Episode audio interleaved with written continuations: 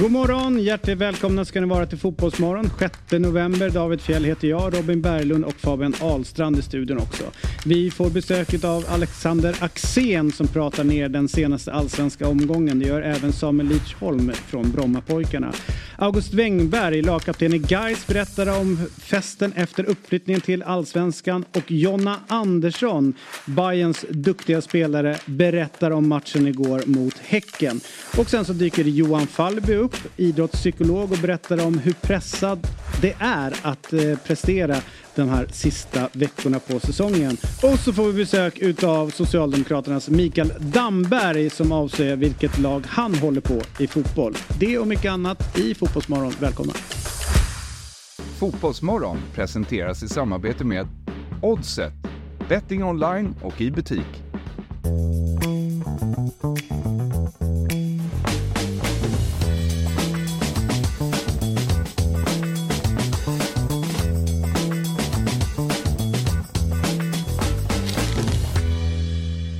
God morgon, hjärtligt välkomna ska ni vara till Fotbollsmorgon.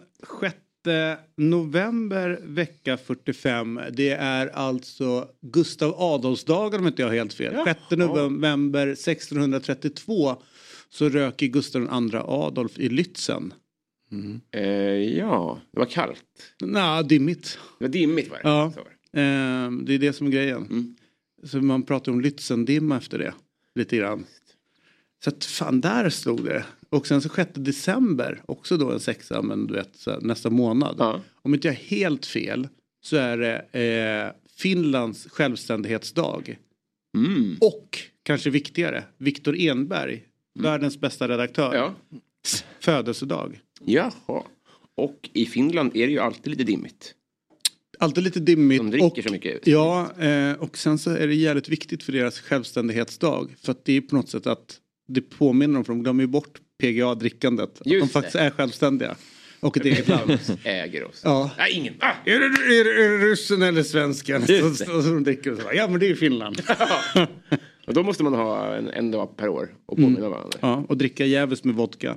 Men idag är det 6 november. Eh, och Fabbe är ju tillbaka och eh, under hela förra veckan så kanske notera att jag satt ju inte med Fabbe en enda gång och inte du heller. Han Nej. var borta. Var har du varit?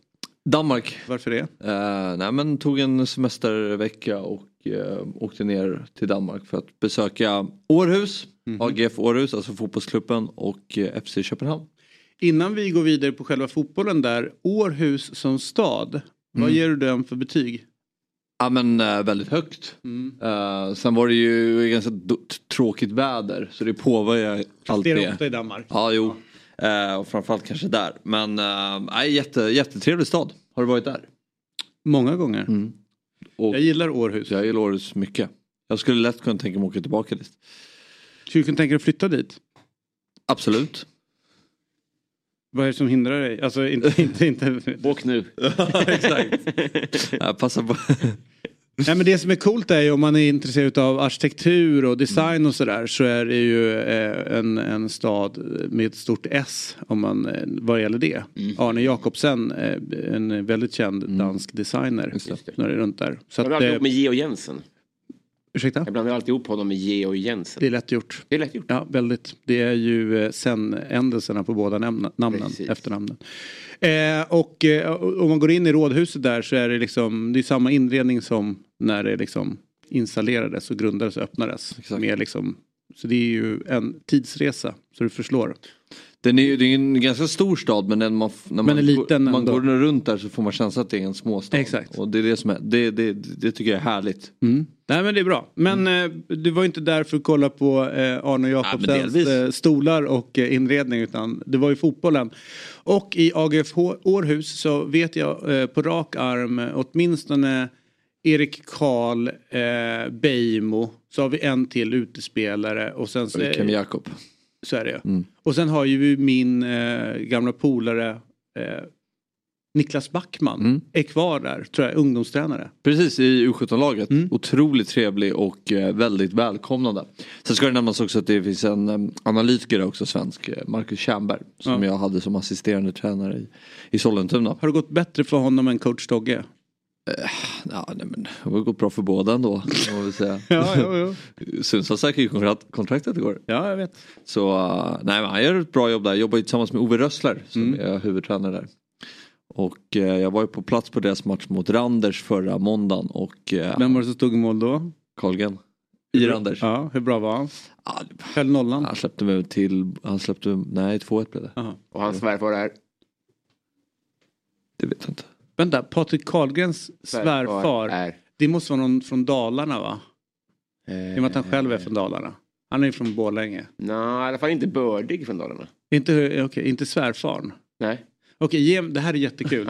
Eh, ge mig lite ledtrådar. Ja, men alltså eh, banga inte på att eh, ha en dimma tidigt på morgonen i tv.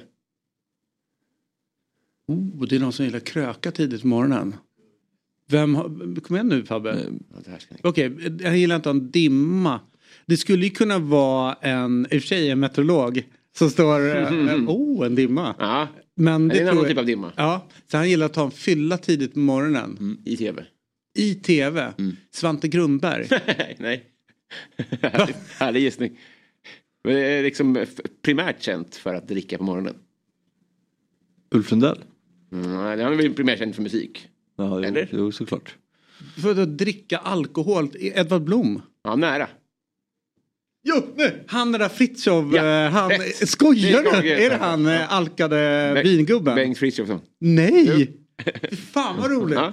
Du vet inte vem det är va? Nej. Svinalkad gubbe som satt på fyran. Eh, ja okej men alltså. Eh, kanske inte. Men han jobbar med det i alla fall. Men, Det var det besöket. ja. ja men du vet på morgnarna så var det där. Eh, Cigarsola! ja, ja. Eller hur? Exakt. Ja. Eh, och det var så här, och någon står och lagar mat och så bara, vad dricker man till där? Mm. Sitter man så, mycket. Sitter man liksom bara, eh, ja, vakna till. Ah, trevligt rödvin här borta. 0716. Ja, helt borta i hörnet. Tack för det. Ja, det- Har du något betyg? Två! är det Carlgrens Det är svärfar? Fan vad roligt. Ja. Men inte han lastgammal den här gubben? Jag tror inte han eh, kanske är kvar på det jobbet. Nej men det fattar jag men eh, tänk dig När han... du säger det. Alltså en sen, eh, att han fick barn väldigt sent. Skulle det inte kunna vara hans svärfarfar? Svärfarfar skulle det kunna vara men det känns också som en man som han skulle inte... Alltså, man inte... Får han barn vid 60 så blir man inte förvånad heller. Men så, så gammal är han nog inte tror jag. Eh, och och eh, man blir inte förvånad om han inte minns det heller. Nej. Nej. Vi går vidare till... Till Carlgrens självständighetsdag. Ja, exakt. Skitsamma, han släppte in ett mål. Ja, Mm. nej två släppte Två han mål. in. Ja. Årets vann med 2-1. Den matchen. All right. Ja, vad ska jag... Du är ju, vi, vi, vi pratar, det här är segmentet är ju för dig. För Jaha. du har varit borta. Jaha, okej. Ja. Eh, nej men det var... Okej, vi är så här. Eh, om, utan att dr- dryga oss då. Så är ju anledningen, jag känner ju till varför du åkte ner dit. Du är ju nyfiken på eh, den danska fotbollen. Eh, de svenska spelarna. Eh, hur man... Eh, Ja. Det är klart du var ju nyfiken på eh, Bardghji och sådana saker. Ja, ja. lite fast... eh, Okej, nej, helt ointresserad. Okej, ja. ointresserad av de svenska spelarna, nyfiken på fotbollen. Det är klart att det var det. Du ringde mig och berättade hur duktiga de var Mm. där nere. Så att, men det är ju någonting annat. Och Ja. vad var det liksom den största skillnaden du såg?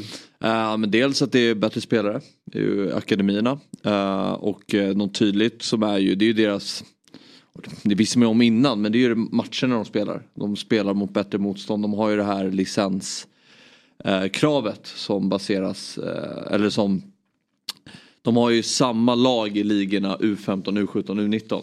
Ja, är det låsta ligor? Låsta ligor och det är baserat efter ett licenskrav efter faciliteter, heltidsanställda tränare, hur många spelare du får upp till A-laget via akademin och sådär. Så det är ju samma lag. Så att till exempel när Århus möter Köpenhamn i U15, då möter alla lag Köpenhamn. Så det blir U17 och U19. Ibland så skruvas det på ifall det är till exempel om en Köpenhamn spelar till exempel Youth League, alltså Champions League nu med U19. Då kan det vara att de flyttar matcher och sådär. Men eh, de ska försöka mm, spela mot samma motståndare vid samma, ungefär samma tillfälle, samma helg. Och eh, de exponeras för mycket bättre motstånd i tidig, tidig ålder. I Sverige har vi en, en nationell serie i P19. Men i Men P- nu är den ganska bra. Ja, i P19. Ja. Men i P16 är den uppdelad i tre. I P17 är den uppdelad i två. Där matchas de mot de bästa spelarna vecka in, vecka ut. och de bästa lagen. Uh, som gör att de kan dra till sig de bästa spelarna i landet till de akademiklubbarna. För det är tydligt vilka som är bäst med tanke på att det är de här låsta uh, ligorna. Uh, sen är det också äh, men just det här med resurser och uh, träningsytor som vi pratat om mycket. Att de har bättre förutsättningar, de har fler heltidsanställda tränare. Jag menar ta bara FCK som exempel när jag kollar på deras U19-lag. Och det ska man inte jämföra med för det är ju liksom ett all, det är ju det är bättre än allsvenska förutsättningar de har. Men de har ju liksom åtta tränare i A-lagsstaben. Mm. Det är klart att det, det, är lättare att bedriva bra träningar. Det är bättre att skapa liksom en individuell utvecklingsplan. Så det är väl någonting som är tydligt att själva helheten är bättre och det är det är ju efter att de, de har ju bättre förutsättningar. Mm. Så, så enkelt är det. Jag har tänkt på en grej. Om man, de bästa spelarna som kommer fram i världen eh, och fortfarande de som dyker upp. Nu är de nya stjärnskotten i, i Brasilien och sådär. Eh, Endricki och, och så vidare. Mm. Eh, vi har Messi till viss del, åtminstone upp till 13 års ålder, Ronaldo och så vidare. Ingen av dem har hållit på, alltså storheten har varit, de har spelat väldigt mycket fotboll och de allra flesta i oorganiserad form. Mm. och det kommer ju vara mindre Du vet såhär när vi, när vi, nej men jag tror att vi kommer tappa någonting på det här. För att om man får mm. så här, eh, vuxenstyrt verksamhet. Mm.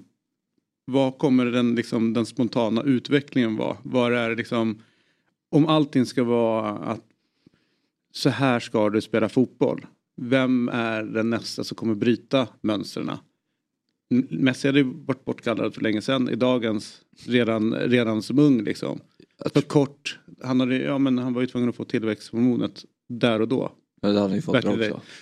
Om han har blivit liksom fram, alltså jag tror att nu har det varit alldeles för hårt med någon, någon form av parameter. Så här kort kan du inte vara för att spela fotboll. Eh, alltså det, det har blivit för mycket att det, är så här, det sitter datamänniskor på sidan om och betraktar fotbollen. Mm. Och jag tror att någonting går sönder i det. Det, är liksom, ja. det magiska ligger i, i det som man inte kan liksom Fast det tror jag, inte. jag tror inte det ena, går, jag tror inte det ena utesluter det andra där. Nej, men jag, min känsla är att det går för långt. Alltså det, att det går för långt i form av att man försöker skapa någonting. De som är bra kommer alltid komma fram. Mm. Och jag tror sen på marginalen så är det åtta ledare eller fem ledare. Eh, en, en extrem individuell utvecklingsplan. Kanske viktigt när man gör någon uppmärksam på det man behöver jobba med. Men jag tänker fotbollen så kommer eh, så, så måste drivet ändå komma från, från spelarna själva för att nå Topp, så är det alltid. Liksom, det är klart att det är... Och då spelar det ingen roll om den är den femte eller den sjätte. Eller, vet, sådär. Ibland så blir jag lite förundrad över hur mycket, om man försöker skapa en en verksamhet mm. runt fotbollen där väldigt många andra också kan tjäna pengar och ha ett jobb. Alltså ja. när det växer väldigt mycket utanför. Om man kollar väldigt mycket som jag tycker de pratar om i Danmark, kanske mindre där än i Sverige. Pratar väldigt mycket i Norge men väldigt mycket mindre där än Sverige det är ju så mycket som inte har med fotboll att göra. Och så börjar man anställa sjukt mycket människor kring det. Jag tror liksom om du går upp på Post, SEF. Ja. Jag tror att två av 25 jobbar med fotboll. Som är deras liksom så här, huvudsakliga liksom. Det är sportchefen Svante Samuelsson och han som är ungdomsutvecklingschef där. Mm. Det är de som jobbar med fotboll. Resten är ganska mycket. Det kan vara CSR-projekt eller vad det nu kan vara liksom runt det hela. Och där känner jag att rätt mycket pengar som borde kunna gå till verksamheten. Alltså att vi har börjat så här, vikta om pengarna ganska mycket. Mm. Medan de länderna som går bra, om man kollar hur många på danska motsvarande SEF som jobbar med fotbollsfrågor. Jag tror att det var 13 mm. där. Och så är det sex stycken i Norge eller om det var tvärtom. Så att liksom, hur mycket tid lägger man på liksom själva fotbollen mm. än liksom allting runt omkring. Mm. Men jag, jag håller inte riktigt med dig för jag tycker att, jag. Men jag tycker att uh, idag så har du ju mer innehåll i form av tv-video. Uh, ja, men du, har mer, du har mer koll, jo, men du har mer koll på fysiska värden. Nej men hur mycket, så här, svara, men svara på frågan, hur mycket mer ger det? Jag tror att det ger. Men hur mycket, alltså kvantifiera det? Nej, men jag tror att, att vi det, lägger för en spel... sjukt mycket resurser på det. Ja, men jag, tycker, jag tror det kan ge med, ja alltså hur mycket resurser man ska ge på det, det kan inte jag svara på. Men jag tror att det ger saker. Till exempel om du ska ha en spelare som är 16-17 år och du, du ser en potential att han kan nå ett A-lag. Vad är det han måste jobba på? Uh, men det har ju, det har ju, det såg Tommy Söderberg på sin tid också. Jo, Utan att, det, det säger jag inte. Men jag tror till exempel fysiska värden, till exempel om, eh, om du som är fotbollstränare, hur bra kollar du på eh, de fysiska värdena till exempel. Och hur, hur viktigt det är att mäta till exempel. Men även där finns det ju, jag, jag förstår att man mäter ju, men det är frågan så här findings på det. Vad, som ett tag i Sverige så var det de här datadrivna tränarna som satt så här, vi ska, in, vi ska vara fräscha hela tiden. Ja, och det, det, håller jag med om. Det, ja, men det var ju, det var ju en sån här idé de fick från sitt lilla system. Det ska vara grönt överallt. vi kan inte provocera någonting. Nej, och det, och det gjorde att vi kom fem år efter de övriga. Ja. Och så sitter vi nu och undrar varför Danmark och Norge är bättre. Ja men de använder ju samma system men de, men de körde in, bättre. Nej men de körde ju inte den här period, periodiseringen som nej. vi höll på med. Periodiseringen gjorde de ju men de vet när de ska träna hårt så tränar de jävligt hårt. De provocerar ju hårt med att jobba med hjärtmuskel också. Alltså det ja. var ju helt uppenbart. När vi gick till en träning per vecka alltså, så gick de ju till tre stycken i Danmark. Ja. Så det är ju skillnaden att vi kom efter. Men jag menar så här att vi får trender som vi är ganska snabba hoppa på också i det här. Nu är det den här som är. Nu ska Fast... vi kolla periodiseringen här. Nu är det Belgien som gäller. Nu är det här. Jag tror inte att det ger så mycket extra. Det är bara min bild av det. Mm. Och jag vet många i svensk fotboll, alltså vet så här, tränare, Axén sitter där, före detta förbundskaptener, elittränare, äldre, yngre. Och de säger så här, största problemet i svensk fotboll är inte hur många spelare vi, eller tränare vi har runt P19 eller Det har jag inte sagt. Nej, jag, nej, jag vet. Det är att punkt 1 till 9 på dagordningen är inte fotboll den tionde mm. punkten när vi börjar prata om, om det inom svensk fotboll. Då kommer vi på fotboll. Ja. Om vi skulle ändra runt det och ta 1 till 6 fotboll och 3 till 10 någonting annat. Mm. Då börjar vi jobba med våra resurser på rätt sätt. Ja. Men vi kommer komma efter så länge vi fortsätter så här. Ja men det håller jag med om. Och där tror jag att vi måste hitta, för där, det är min bild i alla fall att de har varit bra på att hitta en gemensam bild mellan förbund och klubbarna vad ska vi göra tillsammans för att kunna få en bättre fotboll i landet. Mm. Och där tycker jag att det, det, där står vi helt eh, Ja, det är så oklart var vi står i Sverige. Vad vill vi? Vad vill klubbarna och eh, förbund? Vilka är det som styr? Vilka är det som ska dra i det? Ja, det är inte, I Sverige är det inte fotbollen som drar. Alltså fotbolls utvecklingen på det sättet i min bild. Vi gör, gör, väldigt mycket annat. Sen är det klart att vi har skapat en bra produkt som är ligan. Ja, ja, det har vi. Men det är väldigt mycket som går till annat som är en fotboll. Men vi kan ju kolla med en som varit inne i det hela. Ja. Eh, Axén, hur du ser på det. Jag vet att du har varit inne i de här diskussionerna också och eh, pratat. Det är många inom fotboll som pratar om resurser och vad, vad svensk fotboll är på väg. Ja men alltså när jag var nere på Malmös träning här för när jag gjorde reportage med Pontus Jansson så, så kommer Rydström, Theodor, Farah eh, och, och sen Falk och sen kommer tre fystränare och sen så kommer målvaktstränare. Så, alltså, jag bara kände så här, allvarligt talat, hur ska det här laget kunna förlora en enda fotbollsmatch liksom? Det är folk överallt, det bedrevs träningar i varenda hörn och det var världens tryck och allting sådär typ. Eh, jag blir jätteimponerad liksom, så är det ju. Men slutet på dagen, lite som du var inne på, liksom, eh, hur blir det bättre? Och när vi har ett fotbollsförbund som jobbar på bredd mm. så, så, kommer det aldrig bli spets. Det kommer Nej. aldrig bli spets. Man kan ju säga så här, av bredd blir spets, jo det blir det ju, men det blir lite konstigt. Sen tycker jag att det blir en förbannelse med att alla jävla får kallas akademi. Jag tycker att det ska bara vara de 32 klubbarna som är i de högsta serierna som får vara akademi. För det blir bara en otrolig stress och, och massa tryck på barnen och på ungdomarna sådär. Så att, ja, det finns så mycket att ta i, men vi har ju aldrig fotbollsdiskussioner i Sverige. Jag blir så trött på det där liksom. Utan, eh, det, det är liksom Behöver, det är därför jag vill ha in en utländsk förbundskapten som kommer in och bara skiter i allt och kör sin grej och så får vi diskutera kring det. Liksom. Men apropå akademinivå, tycker du att det systemet Danmark har, att de har eh, samma lag i U15, U17, U19 är bättre, att det är någonting Sverige borde ta efter? Uh, ja men det är ett bra såklart. För där är det inte att man kan åka ut, där är det ju snart att det baseras på licenscertifikat. Jag får inte huvudet av, eh, utav principen, stängda ligor och eh, så vidare. Det, det går liksom emot. Vi öppnar upp och börjar med tabeller där runt 13-14 och sen så ska det gå något år och sen ska vi stänga igen alltihopa för att eh, vi har någon idé. Jag personligen tror inte på det. Jag tror att man kan hitta en, en vettigare verksamhet för de som är födda alltså spelar P15, P15. Men om vi säger som Maxén säger då, om det är baserat efter SEF-klubbarna. Att, äh, att, det, att då, då, åker, då åker lagen ut i eh, U15, de som åker ur Superettan. Nej, jag, jag, jag, jag, jag, tror inte på det, men eh, Kör, jag tycker... kör, kör på höll jag på att säga. Ja, nej, men någonstans det, det blir exakt jag... nej, men så här, att, det är väl klart att ett, ett lag i division 1 i, i som har en sjukt bra verksamhet och gör allt för att de ska liksom bli en certifierad akademi någonstans och jobbar mot det. Att nå upp det och inse att vi ska bli ett bra ungdomslag för att fostra nya spelare uppåt.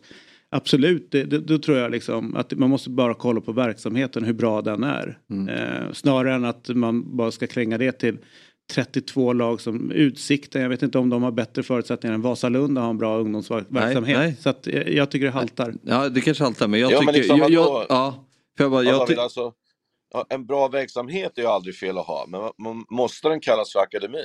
Nej. Jag förstår inte varför ni är rädda för att göra fler som gör det, utan det är väl... Eh, jag, jag, tror inte att det är det som blir avgörande hur många eh, elitspelare vi får fram till slut. Eh, men kanske att vi behöver se över vilka det är och hur våra U-serier är. Som det är nu när U23 vinner och så står Lewicki och några andra liksom och jublar eh, runt det. det är för högt upp i åldrarna. Ja, nu men jag... jag tog ett exempel ja. nu, all right? ja. eh, och likadant, och det följer med neråt tycker jag. Att den, den liksom svajiga och lite, eh, att vi inte riktigt tror på de här nationella serierna. Eh, påverkar och sen är, finns det ekonomiska resurser i hela som gör att vi har delat upp de olika geografiska regioner. Ja. Men om man vill förändra det och göra det så att man möts över hela landet då måste man också tillföra resurser så att klubbarna har råd yes. att uh, åka kors och tvärs. Och där har ju de en fördom att ta det. När Mindre det land. När det, jo, det är också såklart. Men det är ju, det är ju egentligen ett, ett, ett incitament för att vi borde ha ett samma system så att fler lag kan åka på samma gång. Alltså att om du ska ja, åka, att två, tre av lagen åker samtidigt från Uppsala till Skåne.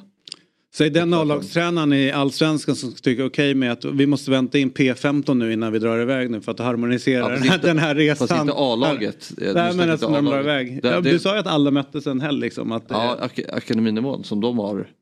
Uh, till exempel. Jag, jag, jag säger inte att det är rätt väg men jag tycker att, eller jag tror att ett enkelt sätt att uh, bli bättre är att vi får bättre matcher. Jag tycker inte att det är bra att uh, P16-serien är uppdelat i tre och att uh, det finns lag som har minus 124 i målskillnad. Då exponeras vi inte för tillräckligt bra matcher, tuffa matcher. Och pratar du med akademier runt om i Sverige så pekar de på att vi måste spela bättre matcher i tidig ålder. Mm. Och det är viktigt för unga spelare att komma iväg och se andra klubbars miljöer till exempel. Ja, Axén äh, nämnde Malmö FF som är väl kanske en av de starkaste klubbarna. Att komma ner dit från en annan klubb. Det ger liksom ett nytt perspektiv. Uh, mm. tr tror jag. Om man, om man tänker så här Fabbe. Uh, alltså som Danmark gör, det är egentligen där jag säger då att man ska ha uh, bara liksom de akademierna för det är de som möts och sådär. Men problemet vi har i Sverige också är att de som är 15 spelar i 17, de som är 17 spelar i 19, de som spelar i 19 spelar i U21. Alltså vi har ju bara skjutit på allting hela tiden för vi tror att det är det som är rätt melodi. Det är också ett problem vi har liksom, att det blir så ojämnt liksom i, i, i serierna, man ska flyttas upp tidigt och sådär. Jag skulle liksom mer vara inne på, lite som SA 15 gör, att man, eh, man liksom är eh, i olika träningsgrupper bara. Eh, man är 50% på sin nivå, man går upp 25 procent utav sin tid på, på för hög nivå egentligen, men man får liksom känna på det. Och sen går man ner 25 procent till där man är lite överlägsen för att skaffa lite fart igen. Och så håller man på sådär, att man tar bort det här själva lagtillhörigheten, eh, liksom mer att man jobbar i grupper på sådana mm. saker, skulle jag tycka eventuellt är bättre.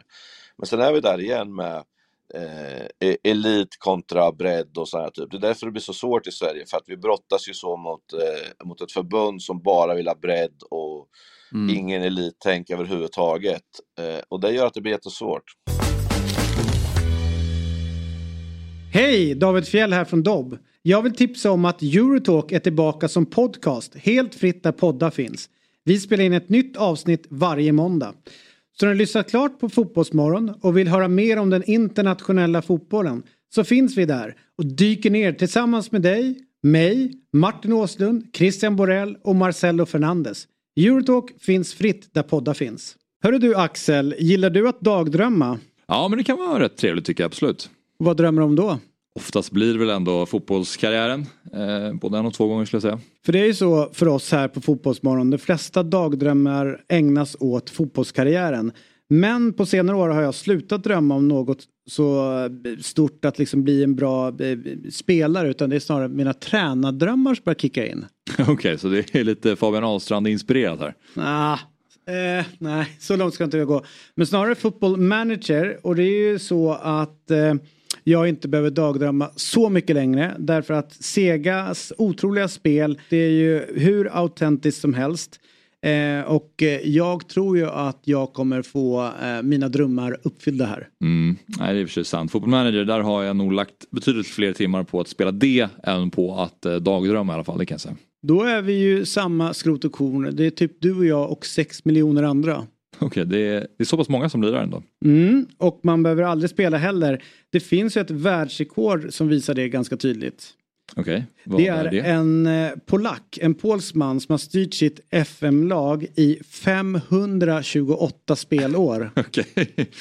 Ja, jag hoppas att jag inte riktigt behöver 528 år innan jag kan ordna upp AIKs kris i min egen FM-karriär. Jaha, det är här du håller på med nu på jobbet istället för att arbeta. Det är alltså football manager. Ja men självklart gör jag det. Jag är ju på god väg att värva Jordan Larsson nu återigen till AIK. Jag tror att han kommer såklart bli en nyckel i anfallsspelet den här säsongen för AIK. Då är vi samma skrot och korn som sagt var. Football manager 24 går alltså att köpa nu till PC, Mac, Playstation och Xbox bland annat. Så nu uppfyller vi våra dagdrömmar och tar AIK till Europa igen. Dock så hoppas jag att Kärna hjälper mig. Ja, det vore ju fint. Och så tackar vi Football Manager och Sega för att de är med och sponsrar Fotbollsmorgon. Du, eh, ska vi släppa det där då? Eh, och sen så det har ju varit, varit lite spännande i helgen, mm. får man ändå säga. Eh, och eh, om vi går då till den tidiga matchen igår. Eh, BK Häcken, MFF och du var ju på plats där. Vi får säga att eh, det hände en hel del. Ja, fy fan. Ja, vilken fotbollsmatch alltså. Jag, jag tänkte innan att det kommer bli jättesvårt för Häcken, men de, eh, de är för jävla bra alltså. Eh, Malmö börjar ju bra med mycket boll och sådär, men Häcken är ju liksom, vad ska jag säga, de trivs ju okej okay med att stå lågt ibland och så får de åka iväg. Och Lajoni, vilken jävla spelare han är mm. alltså. Helvete vad bra han är. Eh, och Isak på mitten. Jag hade diskussioner med en inom Häcken i veckan och sa att han måste ju vara centralt. Nej, men han kommer inte vara centralt utan han, han, de gillar inte honom och bla bla bla. Fy fan vilken bra spelare alltså. Mm. Det är många lag i Allsvenskan som skulle rycka honom alltså, det, det säger jag. Men eh, eh, två, två kontringar i första halvlek, ett blir mål, en räddas på mållinjen av Häcken och eh, Malmö gör ju mål då på en läcker hörnvariant. Och så tänker man då halvtid att ja, det här kommer ju fortsätta så här, så ska vi se om de får någon eh, kontring eller inte. Och så kommer de ut och bara tar över fullständigt Häcken, spelar, spelar liksom Malmö i bitar egentligen. Eh, och var kom det ifrån? Alltså, det är det som är så läckert med fotboll. Alltså, fan. De har ingenting att spela för, sa folk, och det var de och de var borta och så här typ. Nej, de är för jävla bra Häcken alltså. En grej jag tänkte på, nu kanske Fabbe kan hjälpa mig också, men eh, jag och Fabbe har ju en gemensam favorittränare i Fernando Denis. Mm.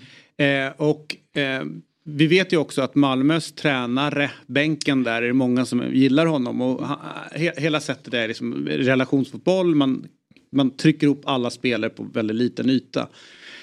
Problemet tycker jag är att eh, om man nu ska spela på det sättet som ändå Rydström vill göra så tycker inte han går fullt ut. Utan att det blir ändå inte det numerära övertaget som man ska söka när man spelar på det här sättet. Utan mm. de är lite för utspridda. Och när det blir det så kan ju faktiskt Häcken möta upp det här laget ganska lätt med spelkvalitet. Alltså så här, ja. Samuel Gustafsson är ju inte sämre än någon annan i, i Malmö och likadant eh, många andra i laget. Och då får, fick inte, får inte de effekten utav det här utan det blev ju ganska tacksamt, tacksam match för Häcken på något sätt. Eller vad tänker du? Jo, men de är ju liksom ett snäpp före just det här med press och de där tre på mitten normalt. Alltså när vi tänker att att det är Rygaard och eh, Afane, eller eh, till och med Simon Gustafsson, att de smackar in bollen, de bara vinklar runt hörnet och så, så är det nästa helt fri fast man har gjort en jättebra press. Liksom. Och där tänkte jag att det, de här har inte spelat ihop så det kommer bli väldigt svårt men det var ju liksom som att de har spelat hela sitt liv egentligen. Och, men, de gör ju ett mål efter 14 passningar och mm. när de gör 1-0 eh, målet så är det också att de spelar bort sju spelare på tre passningar. Liksom. Så att de, är ju, de har ju saker som det, jag är så jäkla imponerad över att de eh, eh, fattar liksom vinklarna och, och liksom har kylan och sen att de löper framåt efter det. Liksom. Jag är så jävla imponerad för att Malmö liksom är ju bra den här matchen ändå, det måste man ju säga, men de är, är totalt utpissade i andra halvlek där under en period. När det liksom, de kommer inte åt dem Nej. hur de än gör. Eh, och eh, det där kunde ha blivit ännu värre tror jag om vi inte hade haft avbrott och grejer. Mm. Sen måste man också nämna deras unga spelare som eh, Sonko och da Dabo som är ju fruktansvärt bra eh, igår och eh, ibland kan jag tycka att svenska klubbar är bra på att eh, boosta eh, egna talanger för att man ser ett försäljningsvärde och så här men det här är ju riktigt bra fotbollsspelare. Mm. Eh, de, de, är ju helt matchavgörande i en sån här, den här matchen. Mm. Och ehm, det känns där som att man inte pratar om dem som bara stora talanger utan faktiskt spelare som gör skillnad i ett, i ett topplag i allsvenskan. Det, det, det, som är, jag håller med, det som är spännande här tycker jag är ju att man kan ju argumentera å ena sidan att Malmö eh, träffar eh, ja, ramträffarna där. Men jag tycker nog att Martin Olssons avslut är svagt. Mm. Eh, alltså han, han ska lyckas hålla nere det, det skottet. Eh, Isak Kiese är ju ett jävla monsteravslut och det är klart att det, det alltså, ta det högt i första. Det är där man ska skjuta någonstans. Ja. Liksom så. Men den tar liksom insida stolpe ut. Så att de hade ju lite medstuds men visst fan kvalitet där på Olsson. Den ska på mål. Vad säger du Alec? Ja, det, det, är det här som är så roligt. Det, det, det blir ju inte skott på mål när man skjuter i ribban fast jag tycker att det är det tydligaste man kan egentligen. Men, mm. Men jag håller med dig att han ska göra mål där eh, och han kommer perfekt och bollen är perfekt och sådär. Så, så det är ju det är sådana där saker som är matchavgörande. Men jag hade ju känslan när jag fick höra att han skulle bli utvisad. Jag sa ju det, jag tror att de vänder. Det var min, eh, mm. liksom, min känsla att de visste vad som gällde och de skulle bara mosa på. De har tre stora målchanser ganska tidigt innan det blir en första kontring utav eh, Häcken där. Så gör de mål där, eh, Isak, då, då är jag säker på att de vinner faktiskt. Mm. Du, eh, du var lite kritisk också till eh, MFFs sätt att liksom ställa upp eh, spelet. Eh, eller att de, det, eller så här, det är för många spelare som föredrar att gå till vänster. Och det hade du lite tankar kring. Kan du utveckla det? Nej men liksom eh, Sören Rex är bäst till vänster, Vecka är bäst till vänster, Tahali är bäst till vänster. Eh, Ananasi vill helst gå från vänster. Det blir för mycket av det goda så att säga. Ingen av dem vill spela höger. Taha Ali var, var svag i, i Norrköping, men han är jätteformstark. Eh, och då tänker jag, ytterbackarna i Häcken till exempel, den här matchen, eh, ja, men det, är, det har liksom alltid varit lite Häckens svaghet kan man tycka, backlinjen. Och så fick man fram två riktigt bra som man sålde sen och en varit skadad att, att man inte utsätter dem för en mot en situationer mer är jätteförvånande för mig. Och eh, eh, mm, jag tycker att man bara ser på det lilla så är ju Tahali, alltså det, det slår gnistor om honom. Och att han då inte får starta, jag, jag, jag kan liksom jag kan på ett sätt köpa, okej okay, man vill ha in honom sen, men sen var ju för sent sen. Liksom. Det är det som är problemet. Är. Så att eh, jag tycker att han ska spela. Jag tycker att han är bättre än de andra just nu. Eh, så... Mm, Fint att ja, det bara jag, tog 29 omgångar för att mm. inse det. det. Det betyder ju inte att han ger 15 poäng för det. ja, det är två ifrån. Eller? Ja, jag är inte ett dugg orolig. eh, det, som, det som var lite så här också var ju att när vi, när vi liksom inför matchen, man tar fram olika fakta och sådär, att, att eh, ja, men Malmö har blivit mycket bättre på bortaplan, och snittar två poäng på konstgräs och sådär. Ja, det, det, kan man förstå, det är lite mer sådana där typer av spelare, men också hur Rydström spelar med mer passningar och sånt där som man måste ha på konstgräs. Men det är helt jävla galet att de har bara tagit två poäng mot topp fem-lagen på fem matcher. Mm. Det är helt otroligt för och mig. Det, alltså. och det, lite grann så tycker jag det speglade det som ändå händer igår att när de möter ja, men Häcken, Elfsborg till viss del, men de spelar ju inte, möter inte upp dem på samma sätt men ändå ett, ett topplag någonstans. Att deras, eh, att liksom att de får inte effekten riktigt heller. Eller är det så här, två delar. Dels kvalitetsmässigt på spelarna så, så, är det ju liksom svårare att vara eh, en konstruktiv spelare. Alltså så är det de bättre spelarna i topplagen gör det svårare för Malmö att lyckas med det de ska. Men också tänker jag att eh, de Elfsborg, de, de kan ju hota dem också i omställningarna som, som rätt många av de här bottenlagen inte kan göra. Och då är de ju sjukt sårbara. Alltså de, de ytorna som de släpper till mot till exempel Elfsborg, det smäller ju bara till. Mm. Så att det är liksom, någonstans är det ett system som fungerar jävligt bra med att bryta ner lågt stående försvar. Mm. Där har de ju jättefina fin resultatrad, men det är ju toppen och den, den är alarmerande. Att det är två pinnar mot de andra topplagen.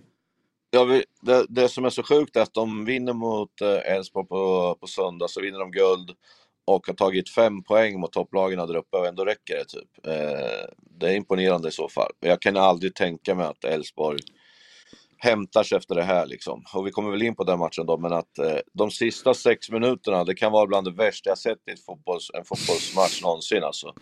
Vi satt på tågstationen för några skulle åka hem, så vi satt på en italienare där och kollade. Och inne på O'Learys var det ju fullt med Malmö-supportrar och vi låg eh, en och en halv minut före inne på den här restaurangen. Så det var jävligt roligt alltså, när man såg. Så, här, så satt man och väntade på vrålet där borta. Liksom, så. Men, men herregud vad är det som händer de sista minuterna? Alltså, det var ju, jag som inte bryr mig ett dugg var ju, hade ju maxpuls liksom, Mm. och bara skrek folk överallt och slängde sig på golv och sådär. Så att, ah, vilken avslutning det där är. Och vad gör Degerfors är min fråga. Varför går de inte före tidigare? Ja. Alltså?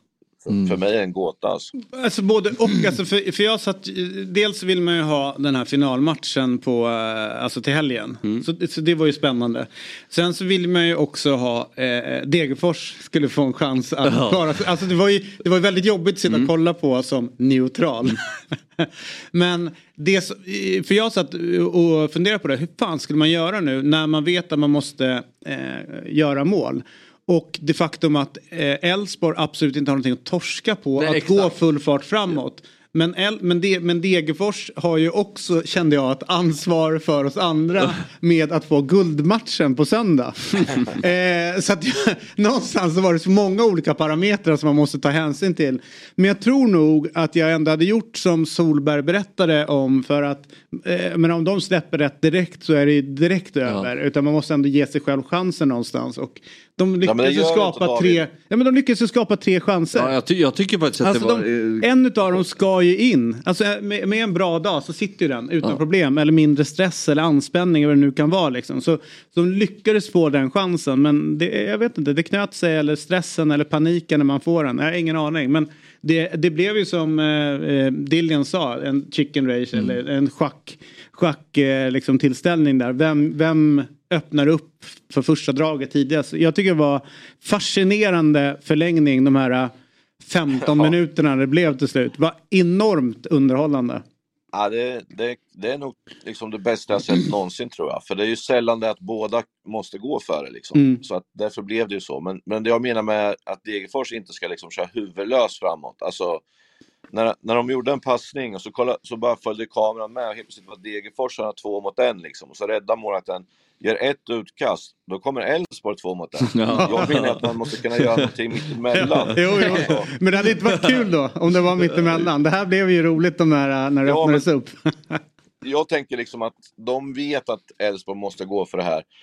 Eh, och det är därför, vad ska man säga, också att Degerfors fick matchbilden lite så som de ville. Men det jag menar är att om du stannar kvar med tre typ och så bara gnuggar det med sju så kommer du få chansen i alla fall. Du behöver inte Nej. eh, liksom vara helt sådär eh, liksom, som det vart där med 2-1, 2-1 utan lite tidigare med det bara så, så kommer man vinna på det tror jag som Degerfors. Alltså, så. Sen blir man ju lite beklämd när några i laget säger att de inte visste hur det låg till. Det är ju, det är ju sånt jag kan störa mig på. Liksom. Men du, Granat får man ändå... Om, om det skulle bli eh, SM-guld för Malmö. Då är det väl en eh, inbjudan till guldfesten. Ja. För den räddningen han gör, alltså blocket när det är 30 sekunder kvar och liknande. Gör ju att allting lever nu. ja. Men alltså när man kommer två mot en sådär Fabbe och de väljer att spela framför back, alltså backen. Alltså det är så, det är så hål i huvudet så jag, jag liksom... Ja, men, Ja, han kommer Alltså, ju gräva sig resten av sitt liv Ja. om de inte vinner guld. Det är ju en sån... Men, det, det är ju, men om den är lösare slagen då? Alltså inte, Ja. Han kommer ju ur vinkel. Nej, om det hade varit lös hade man ju kunnat bara pro- du, promenera behöver in. inte, du behöver inte gå framför det där läget. Du kommer två mot en och det är ingen i Degerfors som springer hem. Utan du kan bara gå mot Ja. mål och göra en skottfint och så spela snett bakåt. Så kan han göra vad fan han vill där bara. Ja, jo, förvisso. Nej, det låter så det- lätt det- men det- tänk på järnkontoret Ja. och jobba där får Nej, jag tänker det. Alltså, ja, det var... 99, Jag tänker på Ja. mormor och Ja, tänker men på så här, knapp- 99 knattelagstiden. minuten, de, de var ju, varenda jävel var ju helt slut. Det var ju kramp överallt. Alltså jag tror ju någonstans att, och jag håller med dig och det är ingen kritik mot dig så, men det är jävligt lätt med fräsch skalle när man sitter Ja. så här, man ska göra så här eller göra det här. Men den löpningen som han tar, jag tror Mm. att han är bara så här, oh, jag ser en gul tröja, passar. Alltså man är helt borta. Bara, Vinn matchjäveln. Men hur kan... Eh, Där har du skillnaden på uh, Fergie time, Robin. Alltså att eh, de hade den kvaliteten när Ja. de kom till de här Mm. lägena. Det, var det, det är det som är alltså skillnaden. De bästa lagen slarvar inte bort de där grejerna. Nej. det är Nej. det som är den stora grejen. Att de är tillräckligt tränade, de har tillräckligt bra speluppfattning och kan fatta hur man ska göra.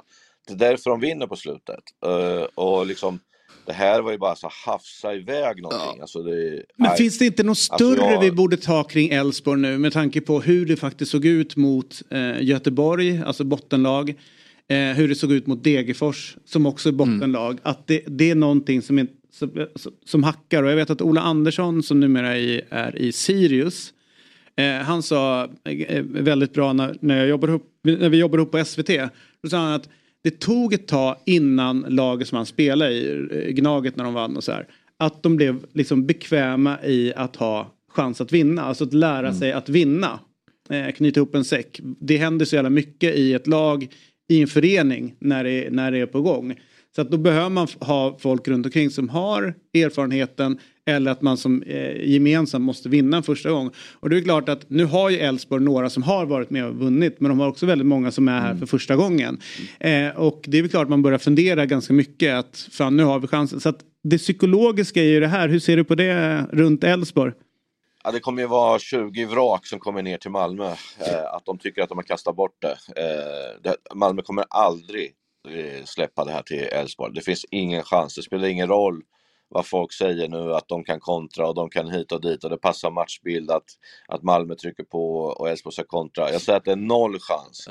Därför att det tar för hårt. De gick ju all in på den här matchen. De visste vad som gällde. De fick förutsättningarna. Allt var upplagt. Och så bränner man den. Den baksmällarkänslan som de har.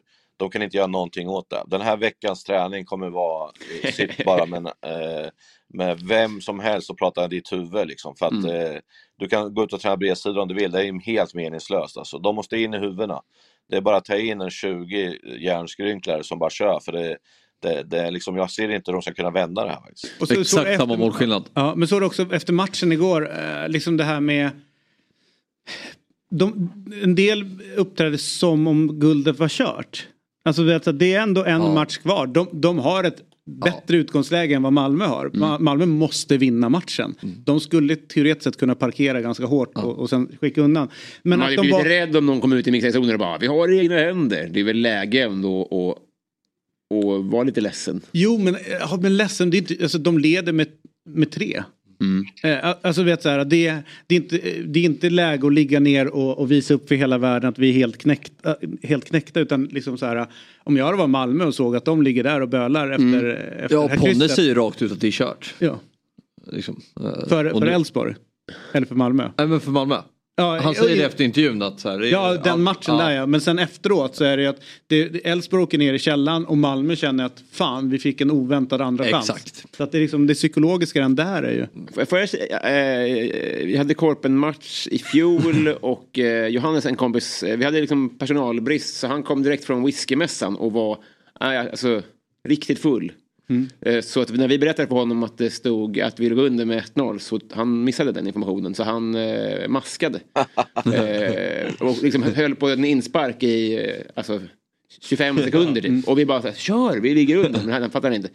Men det är på den nivån. Jag tänker Degerfors, om de inte, om, om tränaren märker att de verkar inte veta läget här. Är det inte värt eh, med allt fotbollsspel att bara rusa in på planen och bryta, att ta ett rött kort som tränare eller någonting. Bara göra vad som krävs för att få dem att fatta informationen. Men det var ju ett jättelångt avbrott när Ja, ja. Elfsborg kvitterade. Jag fattar inte varför det var det. Men de måste ha fått reda på det. Varför var det ett så långt avbrott? Det var ju Men, fyra so men minuter. Tobias Solberg sa innan matchen. det Bengalbränning. Ja. Det var bengalbränningar. Det var bengalbränningar då. Ja. Men han sa ju vi kommer hålla koll på resultatet, vi kommer informera och sådär. Liksom. Så jag vet inte att, att det kanske, ja, kommunikationen där är spännande. Men du, målvakten Rosbach, vad tycker du om honom? Ja. vad, Han vad hamnar nästa år? livsmatch igår. Blir han sitt kvar? livsmatch för, Ja. förra året. Äh, Några Ja, jag- han gör är alltså, sinnessjuka. Man tror liksom att den går i stolpen, ser man efteråt, men det här är en räddning. Det är helt enormt. Han gjorde sin, eh, sin livsmatch faktiskt. Eh, Så är det ju. Men sen var det som du sa Robin, han stod ju också och duttade lite med bollen när det var inspark. Och liksom, nej, jag, visste inte, Alltså, för mig är det så här, eh, jag brukar säga att du måste dra allting innan en match. Liksom. Att man, vad är det som gäller och, och hur Ja. gör vi då och sådana där saker. Det känns som att de hade ingen riktig plan på det här. Liksom. Och, eh, det är klart som du säger Robin, någon jävel måste lägga sig så man får ut laget och sen får man liksom berätta förutsättningarna. Och vi gör så här nu, men det, det var ju härdsmälta för Halmstad med förra året, va? eller om det var två år sedan, när Malmö och Halmstad möttes. Och De- Degerfors gjorde Just mål i 90 typ. Då höll, då höll Halmstad på att spela med sju mittbackar och stod och rullade i backlinjen och Malmö ledde med 1-0. Och liksom, man fattar ju ingenting liksom. Och, och jag tror att liksom där måste matchcoachandet måste bli betydligt, betydligt bättre och man måste förbereda spelarna på ett absolut bättre sätt än vad Ja. man gjort. För, ja, jag, jag är kritisk till eh, eh, hur Degerfors tog sig an slutet, alltså, det, det kan jag säga. Men, men sen alltså med Elfsborg så tycker jag, igår gör de ju en eh, svag match. Jag tycker man kan se att de är tagna stundens allvar. Men att de inte, det här med att hantera press och vara starka i skarpa lägen. De har väl ändå, är inte fem raka segrar inför den här matchen? Alltså de har ju ganska bra att Jo, hantera jo, den här det, jo situationen. det, det gör de, men, men någonstans är det nu det ska, alltså när det verkligen blir, eh, ja, någonting hände ju i matchen mot Mm. Gö- Göteborg. Där, eh, det är ju, den var inte bra. Nej, det var det. Eh, och nu är det mot Degerfors. Det var inte heller att, och då, då börjar man kanske så här, bör man, tycker jag, det är vår skyldighet att börja lyfta på, okej, vet. nu ska det dra ihop sig, nu ska det avgöras. Är det någonting som händer nu? Och de har också på ändå att Hult går sönder där, Johan, Johan Larsson kliver av förra matchen. Eh, liksom här, det, det är ju fel spelare som, som måste kliva av. Mm. Men det är också, jag menar Göteborg-matchen är så färskt i minnet. Alltså jag tänker tidigare upplagor som har vunnit S-guld säger man ju inte att man kommer inte ihåg de svaga prestationerna under sluttampen av en säsong. när de ändå för, vinner. För att de lyckas vinna. Det är väl det som Ja, är jag vet, grejen. men då får det vi är det se om som Elfsborg vinner. liksom. Ja, det är Ja. det som blir den intressanta. Och som, som Axén säger, den här veckan. Mm. Jag börjar fundera på lite grann det du var inne på, fast kanske inte man behöver komma packad. Men att man kanske ska ta avdramatisera. Alltså att inte liksom spela upp det här nu och, och liksom gå med knutna näver. Utan liksom försöka, men de är i bra form. Mm. Alltså det, är inte, det kommer inte ha- handla på det fysiska. Eh, till, till helgen. Nej. Utan det handlar om att hamna i ett bra mentalt eh, liksom tillfälle eller liksom ställe. Eh, och då kanske är liksom koppla bort, ta ledigt, var med för vet, vet så här liksom, gör någonting annat under, under ett tag för att sen liksom komma dit och göra det. Å andra sidan så är jag emot mig själv för då bryter man också de rutinerna man normalt sett har gjort. Men alltså någonting måste ju skapas och göras nu liksom. Så att, Jag har sagt det förr, hypnos. Du vet, eh, match, matchmötet idag, eh, det, det, liksom, det kommer Viktigt, vara så eller? tungt. Ja, det är det ju. Men det kommer vara så tungt för att alla vet att här kanske man gav bort guldet. Vi hade en chans, vi tog den inte. Det kommer vara liksom, som fysiskt är en sak, men, men psykologiskt är det är enormt i det här läget. Liksom. Och, eh, man kan ju tycka då att det ska vara egentligen 66 chans för eh, för Elfsborg i, i match mot Malmö och sen är det bortaplan så vi kanske skulle säga att det är eh, lite lägre, kanske 51-49 då, men, men så som det blev och så som det är så, så är det ju jättestor fördel för Malmö. Och, och, och liksom att de får den här chansen, det är lite som jag säger när de fick reda på att de hade utvisning i Häcken. Det, liksom, det blir så mycket energi och den där stadion kommer koka liksom så att Eh, nej, jag, jag är ledsen, alltså, jag kanske dödar hela liksom, guldstriden här nu, men att eh, jag, jag ser liksom inte något annat än att, eh, att det blir rätt så stora siffror faktiskt. Alltså, och, jag, och jag tänker näst, alltså så här. Eh, man känner inte att Malmö fl- kommer flygande in till den här finalmatchen och Elfsborg kommer inte heller flyga. Alltså det är ju det är liksom, det är två lag man inte riktigt vet Nej. var de står. Det tycker jag gör att det blir sjukt spännande. Men det faktum är att Malmö sätt att spela passar Elfsborg ganska bra. Hur ser du på det? Att det, att det på något sätt Jo, kan vara det räddning för det ju. Nej men det gör det ju. Och i och med att det räcker med kryss och sådär så kommer det bli naturligt. Men, men samtidigt, eh, som jag säger, alltså när, om man då förväntar sig att de ska gå tillbaks lite nu i Elfsborg. Du måste ha Tali på en gång då. Alltså, tänk dig han och köra med Johan Larsson på kanten där från minut ett liksom. Mm. Alltså, eh, det, det, då, då spelar det ingen roll hur många försvarare man har. Det kommer bli jobbigt där ute. Han är liksom. ute på bår Johan efter fem minuter. med, liksom. Ont i benet. Ja, Johan liksom, Larsson det, sa är, till. det är tufft alltså. Eh, man kan tycka att det passar, men sen gräs också. Liksom. Jag, jag säger att jag tyckte att liksom, de pratar mycket om andra bollsvinster och närkamper mot Blåvitt och sådär. Och Blåvitt, inte för det, men de spelar mycket energi och sådär. Men liksom inte i närheten av samma kvalitet som Malmö som också spelar på en otroligt tempo. Nej, jag, jag, jag tycker synd om Elfsborg på det sättet att de slarvar bort det själva. Alltså, men Malmö kommer ju... De, alltså det är ju sånt flyt att de, att de lever i det här med tanke på det vi sa, två poäng mot topplagarna, de är uträknade och kommer tillbaka. Alltså de har ju fått det här guldet Alltså det är otroligt vilket flyt de har. Liksom. Mm. mm. Med på kommentarer. Två sista frågor. två, två eh, avslutande frågor då. Eh, eh, hur ser du på den eh, prestationen som Malmö har gjort givet för är, det en underprestation att de är här? Borde de ha vunnit ligan med, med, med större marginal redan nu givet truppen och, och kvaliteten? Ja, självklart skulle de leda med en 7-8 poäng i det här läget. Alltså, eh, Elfsborg eh, som sålt bort mycket av sitt, sitt bästa. Eh, häcken ska vi inte prata om, det är typ mm. 35-36 poäng som, som liksom säljs iväg då i, i liksom mål och ass. Medan Malmö liksom har fyllt på och köpt otroligt dyrt lag liksom. Inte med i Europa, har bara en sak att koncentrera sig på det är klart att det är ett underbetyg att de inte vinner med mer. Så är det ju. Men man kan bara vinna och det, när de gör det så kan man inte säga att det är dåligt. Det går liksom inte. Nej, jag tänker bara tidigare tränare de haft. Nu vet jag att Henrik ju, har ju en stark ställning och sådär. Men det finns ju tränare som har vunnit i Malmö och man mm. känner att det har inte varit tillräckligt bra. Um, tror du att de är nöjda med, alltså vad är det hur, hur lång tid ska det gå innan de blir missnöjda igen där nere med att inte bara vinna utan att det måste se bättre ut? Jag tror att de skiter i det där supporterna efter förra året när de blev sjua, liksom, att, att de vart lite, fick en lite sån här lavett, att det kan faktiskt hända oss också att vi liksom är så. Sen Sen, sen, är det ganska delat när jag är på Malmö stadion. Det är många som, eh, som tycker att det är dålig fotboll och det går för långsamt och, och allt det där. Och, och det måste han utveckla till nästa år. Alltså det måste gå fortare ibland också. Men han sa också till mig igår att han vill inte ha eh, flängfotbollen som jag säger, för att då blir de så exponerade som de blev i den här matchen mot Häcken. Och jag kan köpa det liksom.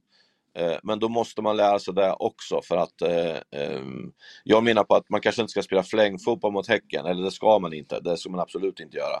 Men att göra det mot lag 8 och neråt, då måste man kunna ha den mm. där liksom kvaliteten att man kan göra det istället för att man ska ha kontrollerade anfall mot lag 14. Liksom. Ja, det, det går inte den här publiken i Malmö på. Liksom. Eh, men, eh, men som sagt, jag tror ändå att han har börjat i rätt läge. Liksom. Det är bättre att börja med passningsspelet och liksom bygga saker för att sen snäppa upp det. Det är lättare att gå det hållet än att du går snabbt och sen ska du börja göra det andra. Liksom. Mm. Så att, eh, det, det, kommer bli bra tror jag. Han kommer fortsätta köpa in spelare. Eh, de har ju otroliga resurser och det handlar om att vinna och gör de det så är de liksom, ja, då är de Malmö igen. Mm.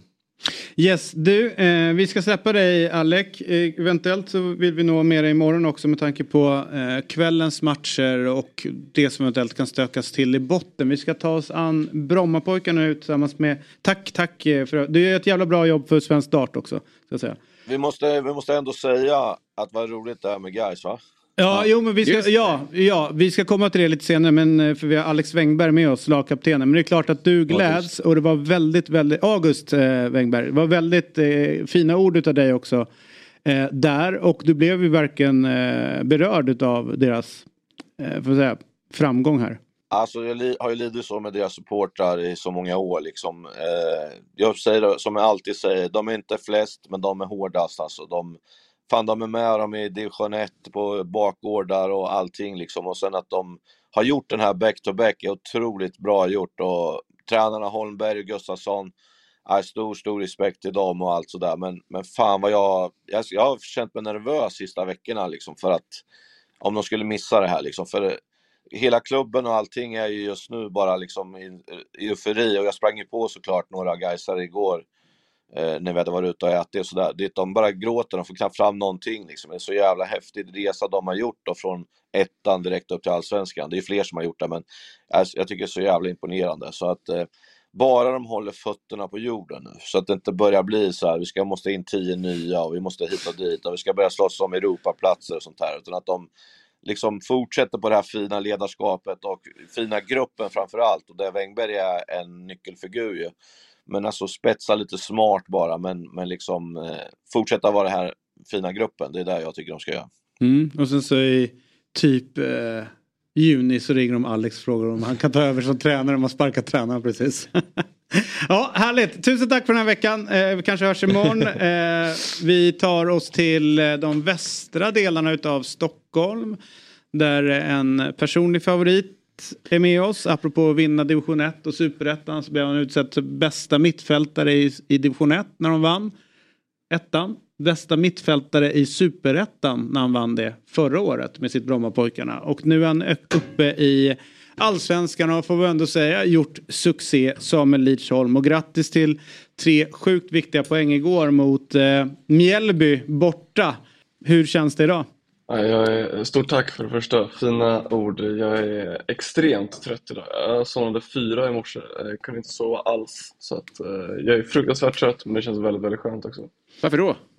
ingen aning. Jag har ingen aning. Mycket tankar i huvudet antar jag. Jag är också avstängd i sista matchen när det ska avgöras. Vilket är Vilken mördröm. på ett helt horri ja, på ett horribelt sätt också. Det är eh, kanske det sämsta gula de har tagit i år. Jag vet inte. Det är eh, en kille som passar iväg bollen och sen skriker. Han passar in i min fot och skriker och sen så är jag avstängd. Så vi ska försöka överklaga det där men känner jag svensk fotboll rätt så det är väl ingen överklagan någonsin som gått, gått in. Så Nej och i synnerhet inte från dig Samuel för att du blir så också eh, härligt grinig när det något går emot dig så att jag tror ja. inte att du ligger på plus hos den här nämnden. Alltså, nej, vi rekommenderar någon nej, annan att skriva ja. överklagan. Det var dumt att dra den där sms'n en natt där vid halv fyra tiden eh, med hot till jag, jag, satt och läste, jag satt och läste, jag satt och läste uh, hel, de har ju så här väldigt långt dokument, alla domarregler.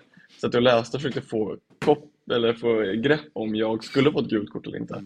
Men, uh, och enligt, enligt då boken så ska jag inte ha fått det, men jag vet att det spelar ingen roll. Jag vet att jag blev avstängd en gång. Uh, en kille, jag spelade Sollentuna och en kille örfilade en annan kille och jag fick rött kort. Då hade vi video eftersom matcherna sänds på att det inte var jag. Jag fick ändå avstängningen. Mm. Mm. Så att de skiter ju där. har du tänkt på att det kan vara saker du har sagt till domarna under matchen och innan de här känns situationerna? Känns det som att det var rätt på något Nej, Som gör att de letar att hala upp det gula. Ja. Nej, jag står, eh, jag står nog inte högt i kurs alltid där. Nej. nej. Mumlade du så här, oj då Hansson, det här har inte börjat bra. Nej, det är bra. ja, men det... det Min det favorit är ändå när han ska lägga bollen på, när domaren säger så här, du måste lägga bollen på rätt plats på planen där förseelsen var. Jag tror det var helt rimligt. Ja, och då ligger det ju en spelare där. Och då lägger du bollen på spelaren för att det var ju där bollen ska vara. Och så får du gult kort. Och även i det läget är helt oförstående. Hur kan du ge mig gult kort? Du sa att jag skulle lägga ja. bollen där frisparken ska slås. Så att, ja, nej, men du, du är rolig Samuel, jag gillar det. Vi quizade ju här om veckan ja. och eh, det är ju väldigt svart på vitt. Den ja. som svarar eh, Först, ja. ja vinner. Ja. Men det är ändå domarens fel. Det är det. ja, men du... du är bra på quiz. Ja, han är helt okej. Okay. Men du, eh, eller han är jävligt bra. Vi är i samma lag nu så vi ska ju hålla ihop här. vi är i final. eh, du, eh, det blir ju ett en jävla avslutning här på det hela och eh, hur, eh, trots Djurgårdsrykten på dig då, hur mycket håller du på Gnaget ikväll mot Blåvitt? Vi pratade om det där i laget, om vad som är liksom bäst för oss på något sätt i och med att, eh, i och med att Blåvitt också har Varberg i sista och att AIK då har ett betydligt svårare eh, Värnamo på, på Friends. Ja, just det. Vi vet inte exakt vad som är... Det, det, är, det är ett långskott oavsett och vi ska ju då slå Häcken. Eh, så det är långskott oavsett, men eh, vi pratade lite med varandra. Vad är egentligen bäst med kvällens resultat? Och finns det något mardrömsresultat? Jag, jag vet inte. Ja, fast Häck, ja, ni båda möter ju lag som inte har någonting att spela för i sista. Nej, nej precis. Och, och, sen så kan man ju tro att Häcken som reser upp till Grimsta, tråkigt, eh, säkert blåsigt och regnigt Grimsta här, är, bryr sig inte lika mycket som de gjorde i helgen, men de hade inte jättemycket att spela mot Malmö och ändå var ju väldigt, väldigt bra. Så att, ja, det kommer bli tufft oavsett vad menar jag. Men mm. jag, tror att, jag tror att AIK kommer få det tuffare med Värnamo än vad Blåvitt kommer få med Varberg. Mm. Um, så jag vet inte vad som är bäst. Ja, jag fattar. Hörru du, hur är stämningen i laget då med tanke på att liksom, nu har ni ju gett er en, eh, en räddningsplanka i och med att eh, ni inte åker ur direkt? Ja men det är väl en jäkla lättnad också. Alltså, vi har ju gjorde en väldigt, väldigt bra vår och har gjort en katastrofal höst rent resultatmässigt. Um, och det är alla väldigt uh, inställda på. Liksom, vi är väldigt öppna med det att med de poängen vi tog i våras borde vi verkligen kunna tagit fler uh, den här hösten för att göra det klart tidigare. Sen så har vi också varit så här, vi, vi spelar jämna matcher varje match typ och det, är, um, det har varit frustrerande på något sätt att förlora jämna matcher ofta. Mm. Vi har varit för dåliga i båda straffområden vilket alla också är väldigt mm. öppna med. Så vi har ett, ganska, ett lag med ganska bra självinsikt om var liksom problemen har legat. Vi har bara inte kunnat åtgärda det i tid, hur mycket vi än har velat. Finns det en korrelation mellan en spännande match och sömnproblem på kvällen? Sen? Är det svårt att komma till ro?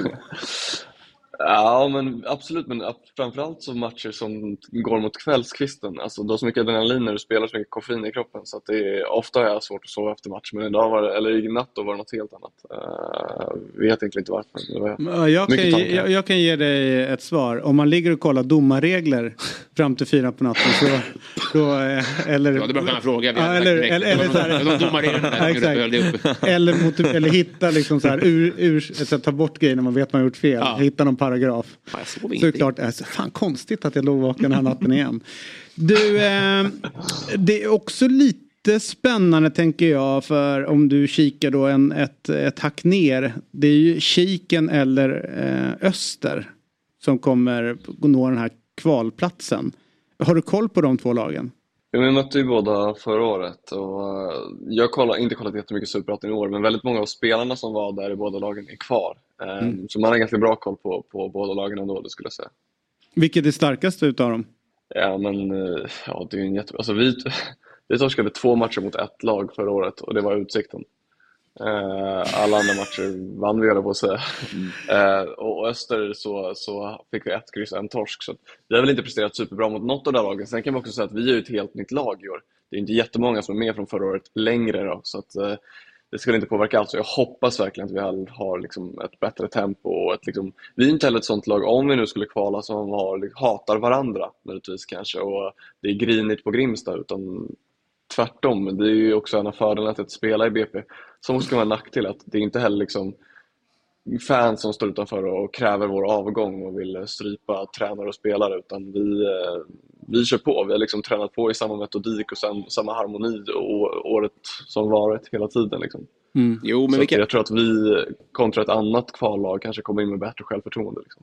Vilka väljer du på förhand? Jag väljer Utsikten. För. Ja. Mm.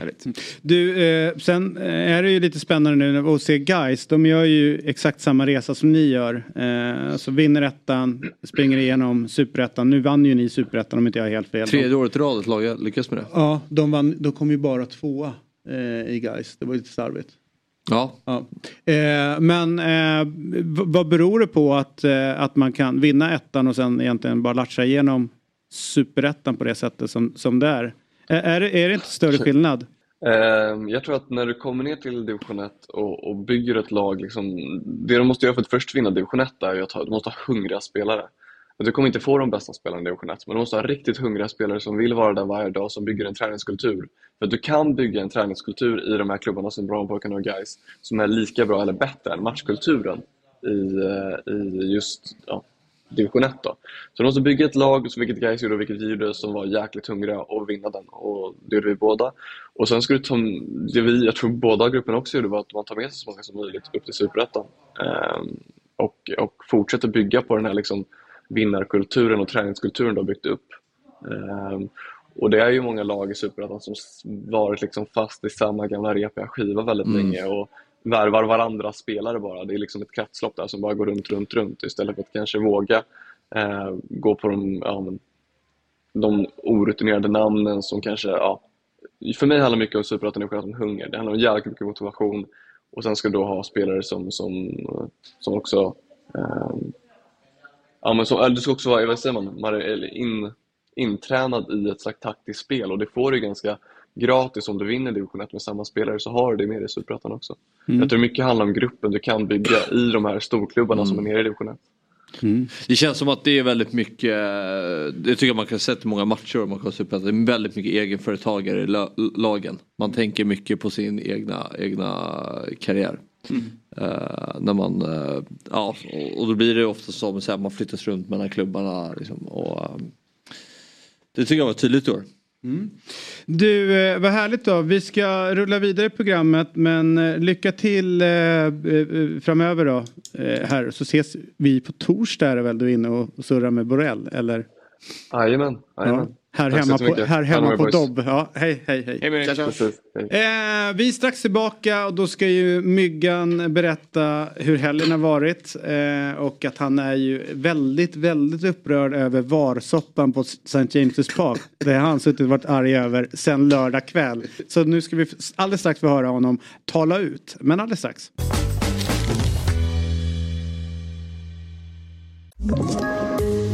Poddtips från Podplay. I podden Något Kaiko garanterar östgötarna Brutti och jag, Davva, dig en stor dos skratt. Där följer jag pladask för köttätandet igen. Man är lite som en jävla vampyr. Man har fått lite blodsmak och då måste man ha mer. Udda spaningar, fängslande anekdoter och en och annan arg rant. Jag måste ha mitt kaffe på morgonen för annars är jag ingen trevlig människa. Då är du ingen trevlig människa, punkt. Något Kaiko, hör du på Podplay. Därför är Då är vi tillbaka. Fotbollsmorgon. David Fjell, Fabian Ahlstrand, Robin Berglund och Myggan är här. Och yes. eh, vi börjar hos eh, Robin. Eh, Petter Barling eh, har hört av sig och vill rätta dig. Det var Mamar, inte Granat som blockerade. Tack. Jag gillar Petter. Ja. Mm. Det var slarvigt. Mamar är det vi ska tacka. Mamar. Som blir inbjuden på Malmös eventuella guldfest. Just det. Ja. Just, du är kompis med Petter därför att hur, hur känner du Petter Bergling? Eh, via min syster. Så är det ja. ja. Som är, just det, mm. som är kompis med Petters fru. Och Petter. Och, ja, men jag är också kompis med Petter. Nej men inte riktigt som jag. Nej, så nej, nej, nej, nej. Petter är med min kompis. Förlåt, jag är inne på fel jaktmarker. Ja, ja. Men du, eh, är du sugen på att höra vad Myggan har att komma med? Både ja och ja. Ja, ja nej. Dubbel ja, det är det. Dubbel ja. ja. Men du, så här är det. Det är ju, det, det har blivit säga, lite ramaskri efter eh, Newcastles seger med 1-0 mot Arsenal. Ja. Eh, därför att de, eh, målet de gör i Newcastle eh, kan dömas bort för offside, säger en del. Det kan dömas bort för eh, putt i ryggen. Det borde dömas bort för att bollen var utanför eh, planen eh, i ett tillfälle. Eh, men ingenting utav detta eh, snappas upp på, i varummet utan det här blir godkänt det här målet. För oss som känner till Arteta så finns det få människor inom fotbollsvärlden som är sämre på att hantera en sån här varmotgång som Mikael Arteta. Så det blir ju väldigt underhållande att höra när han gick igång. Mm. Vad tänker du kring det hela? Nej, men det var ju, eh, jag förstod vad som skulle hända när jag såg det. Ja. Eh, och jag förstår att han kan, han kan ju inte heller skilja på subjekt, subjektivitet och objektivitet. Eh, vilket gör det ännu roligare. Mm. Men eh, han gick ut för fem veckor sedan och förklarade att man ska stötta domarna när Liverpool fick sitt mål bortdömt. Ja. Och det var väldigt viktigt att stå kvar i den och höra att domarna har ett svårt jobb. Eh, sen så drabbar honom själv och då bidde det lite annorlunda. Nej, då är det skandal. Då är det skandal. Det här är alltså, sånt här får inte hända i det de kallar för eh, världens bästa liga. ja. Han har varit här nu i världens bästa, bästa liga och det här 20 händer, år? Ja, 20 år sa han. Så han har varit här nu. Länge? Ja, jag har ingen aning. Nej, Men i 20 år så hittade han.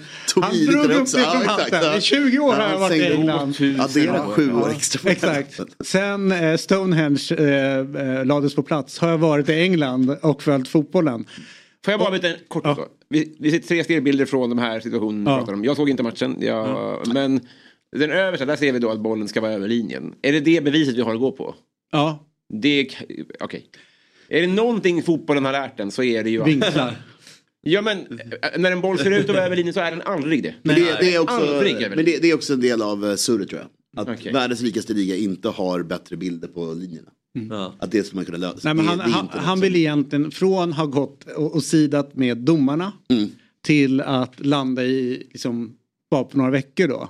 I ett annat hörn. där domarna är en disgrace, mm. vi måste ha bättre domare. Och sen så är han ju nu ute för att ha kameror överallt. Mm. Vi ska alltså inte kunna missa någonting någonstans Mm. på arenan. För att det här är världens bästa liga. Arsenal Football Club också skriver lite brev och sånt. Ja. Det- Man känner igen hur, eh, hur det går lite grann det här. Eh, liksom kretsloppet, eh, upprördheten kommer ju dö ut om tio dagar någonting. Och så Ja, det rullar- det på liksom, ja. exakt. Så att det kanske är en bra grej i framtiden att vi, eh, eh, i och med att omspel aldrig var aktuellt i Tottenham Spurs, alla förstod.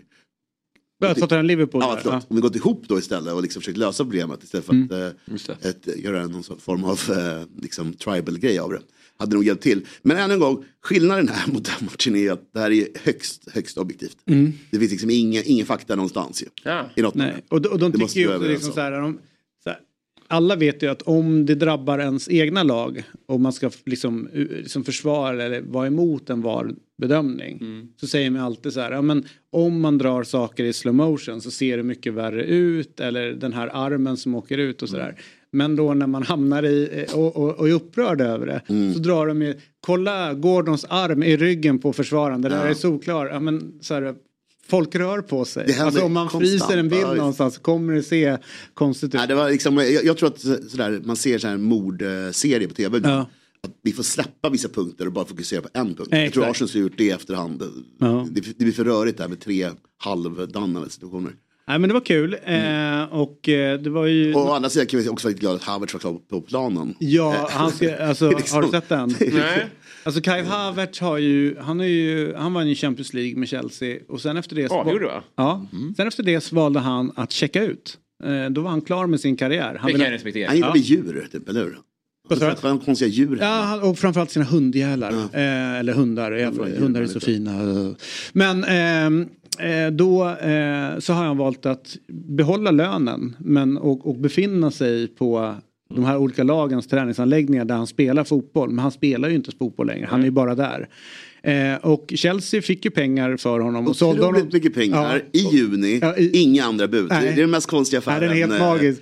Och när det. Chelsea höjer upp dem bara Ja, absolut. ja, absolut, visst, ja, vi- 15 juni ja, färdig. Va? Varför Vi har det? mycket pengar som helst där borta. Vi Det tar är ingen honom. kö på den killen. Nej, nej, nej, nej, Ja. nej, nej, nej, verkligen inte. Däremot kö för Chelsea Ja, ja, ja, jättesnyggt. Det är årets försäljning. Men eh, då kommer han till eh, Arsenal och då ska han ju lyfta. För han har ju en talang någonstans. Men han har ju också checkat ut. Mm. Men var han ju tvungen att liksom ändå liksom markera någon form av närvaro på den här matchen. Att han, han spelar ju ändå, jag är här. Jag lever. Ja. Och då tar han en glidtackling. En helt vanlig tvåfotare. Tvåfotare, sträckt ben. Helt onödig. Den behövs Mitt inte plan. det. Här. Och, och den är så här, den borde ju vara, alltså all, allting man läst om VAR så är det där ett solklart rött kort. Om man nu då ska ha det här VAR. Men då blir det Nej, den kul. kommer undan. Ja, men De här tre varuincidenterna är ingenting mot den. Den, Nej, är, nej. den är solklar. Så att, nej, det blir ju jobbigt för, för Arsenal där. Jag, jag kan förstå att det är en jämn match och tråkigt torska. Men, men eh, ja, Mm, jag fattar. the optics. Alright, nu ska vi då eh, få lite lunchpengar. Fan vad gott. Tycker du det? Jag är redan hungrig. Ha, vad har du för favorit eh, att gå till? Eh, det, det är Coops färdiga kycklingklubbor. Ja, de är fina. Ja, det är så jävla gott alltså. Då har jag ännu bättre, Det är om, fint. om man gillar Okej. eh, kyckling. Låt oss introducera den grillade kycklingen från Ja, Costco. Costco. Otroligt. Alltså. Ja, det är den är helt enorm. Nej, nej, nej, det är nej, Svinbillig. Gratis. Ja, gratis. Det är, det är bara att gå in och hämta. Wow. Vi vet vägar ut. Nej, men kycklingklubban är intressant bara som en liten eh, passus där. Jag är ledsen att ta den, jag gillar ju, gillar ju sånt. Eh, fascinerande att ingen har ändrat kryddningen. Ja, just det. Mm. Det har är gått eh, 45-50 år nu. Vi, har, vi har samma grillad kycklingkrydda. Och det är inte ett alternativ. Det sitter runt timjan. Det finns Nej. en. Det här borde du gå till val på Myggan. Min andra är senapssorter i korvkiosker. Hur kan Ja. det finnas två stycken? Det borde finnas 25. Ja, det- de har ju de har vanliga original och, och eh, typ söt. What's stopping Ja, you? För att ta exakt. in en tredje. Exakt. Vilken vill du ha Myggan som tredje alternativ? Men en, eh, kanske så här, en dijon, alltså bara för att de som gillar det, alltså jag kan se typ behovet av det, det är så stor senapssort. Kanske en honungs... eh, Ja, exakt. Någonting. grovkornig Ja, kanske? grovkornig. Ja, Ja, exakt. ja. Om man köper en Det bratwurst. känns som en ganska liten insats av korvkiosken ekonomiskt. Och ganska hög payoff om man tar fem. Men däremot, kommer du ihåg en grej som ligger inne som är väldigt spännande? Det är ju eh, curryketchup. Som många har. Och den är ju jävligt fin att ha till pommes fritesen. Och den har de tagit in och liksom Eller hur? Och jobbar integrerat in i samhället. Men inte fler senap. Nej. Nej. Så går man till ett svenskt julbord, hundra sorters senap. Ja. Ja. det är konstigt. Apoteket har fler men senap maten är- är Ja. Där har vi någonting nu. Men maten är ju svag på julbordet. Det är vadå? Salt, salt, och, salt och brud, men det är vad det är. Det är, Ja, vad det är. ja. Det är man ska äta det en gång per år, inte tio. Bra.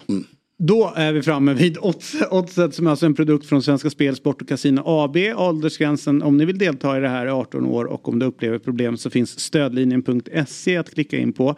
Vi börjar med eh, ångestmötet nere i Göteborg. Ja. Jag har, har redan tittat på det här några veckor fram. Att jag såg lite vad skulle hända. Inte Elfsborg. Men jag räknade ut att AIK var klara och att Göteborg var klara. Och jag tror att jag står kvar i den båten.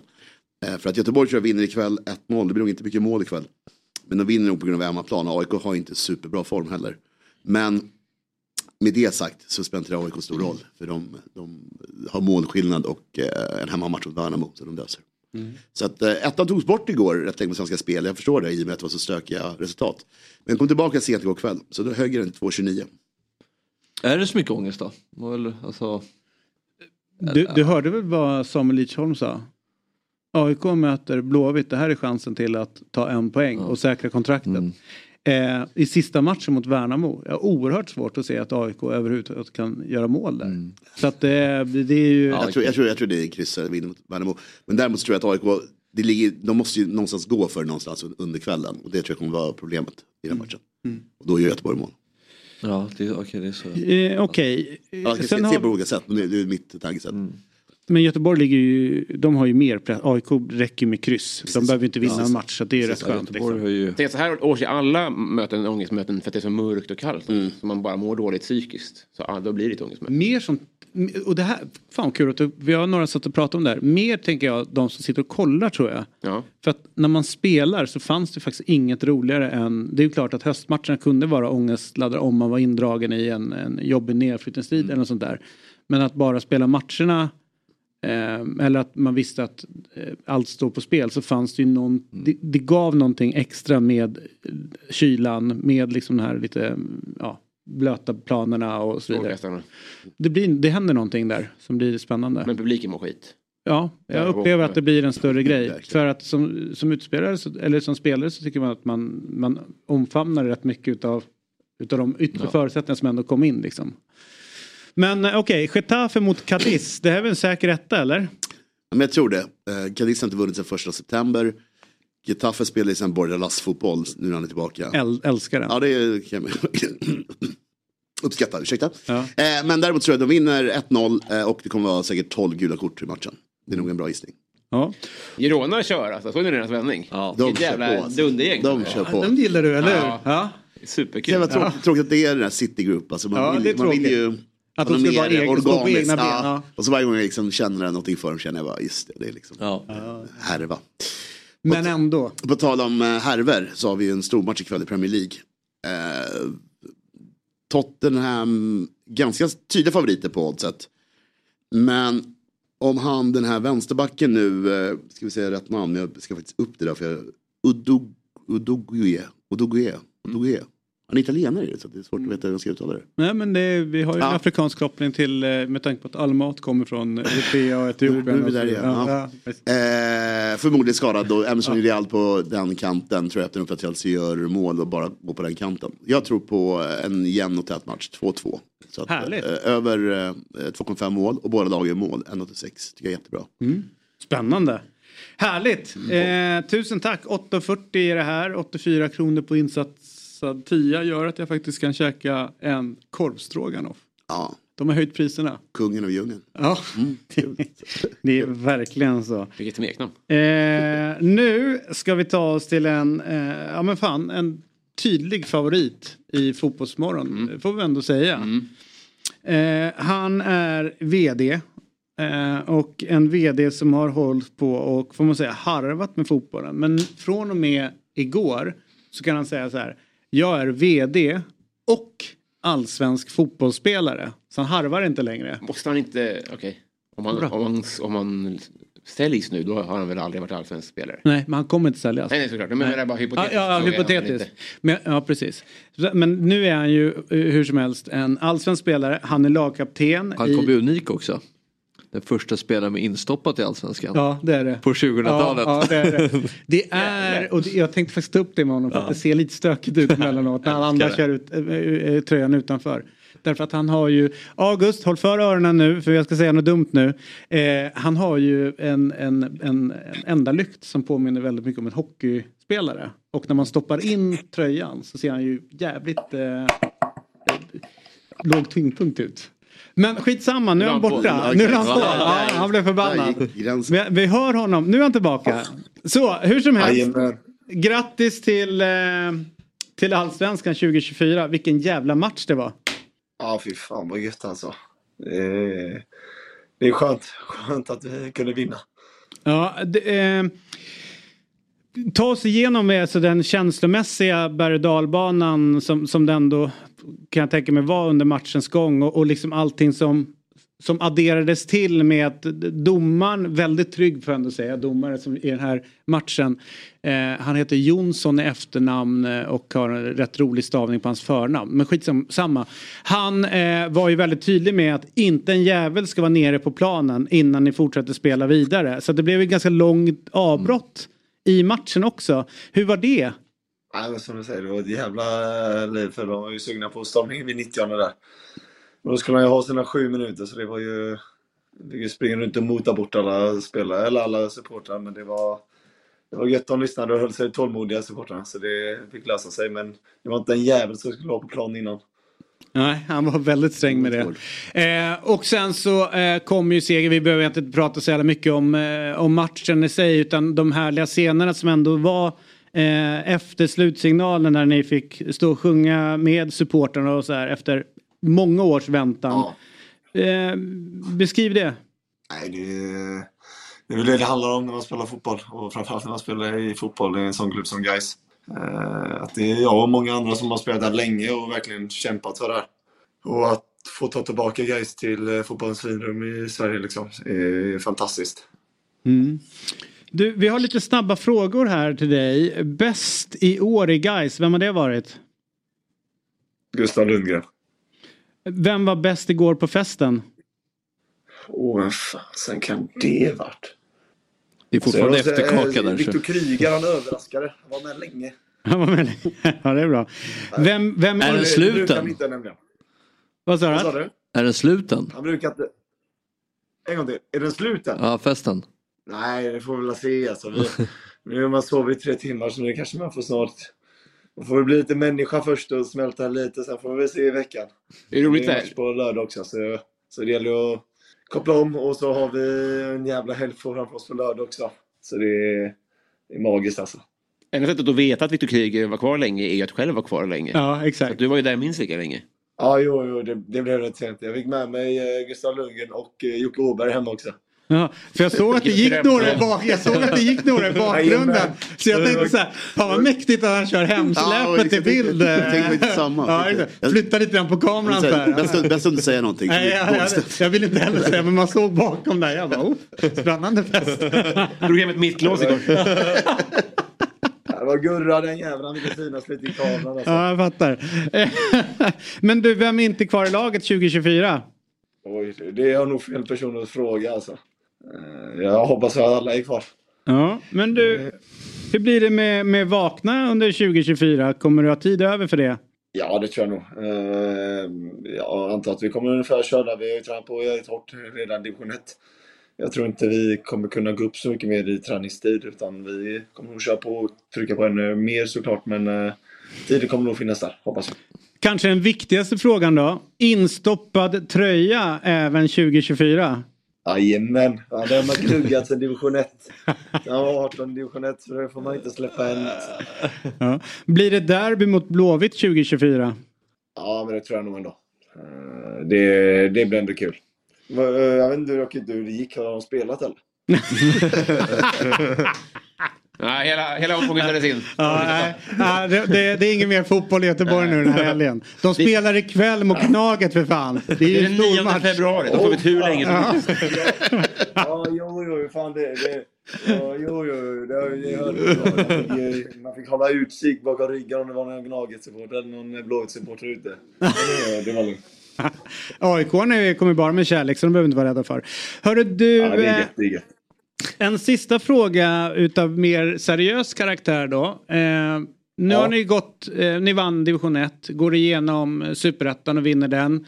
Jag tänker att det är ju en, en grupp som måste vara ganska sammansvetsad och att ni har gjort det här tillsammans. Hur oroliga är ni att liksom, de över er får för sig nu att bryta upp det allt för mycket? Eh, så att ni inte har kvar det? Hur menar du att det blir? Nej, men jag tänker alltså, ja exakt att man får den här grupp, eh, alltså gruppdynamiken. Mycket är det liksom, det är det ni har vunnit på. Att man inte ja. vågar landa i den utan att man vill göra för stora förändringar nu när man väl går upp och liksom vill, nu ska vi bygga ett nytt lag. Ja, ja men det tror jag, det var väl lite samma när man gick upp från division 1 till superettan att eh, det är ju inte så stora kliv utan de flesta spelarna har ju det i sig. Även om du spelar division 1 så kan du faktiskt vara en allsvensk spelare. Eh, tror jag i alla fall. Och det, det är liksom, klubben har satt nu är ju en framtidstro och tro på de spelare som är kvar. Eh, och de har ju förlängt med många viktiga spelare. Och, så jag tror helt klart att de kommer satsa på, på det vi har och sen kanske toppa upp med lite nytt. Mm. Eh, såklart. Men det kommer nog inte ske några stora förändringar för det, liksom den kunskapen vi har i spelartruppen är tillräckligt god för Allsvenskan. Mm. Men vad är, vad är den största faktorn till att den här upplagan lyckas så bra om du jämför med tidigare upplagor av, av guys som liksom har famlat lite i mörkret och varit på den undre halvan av tabellen?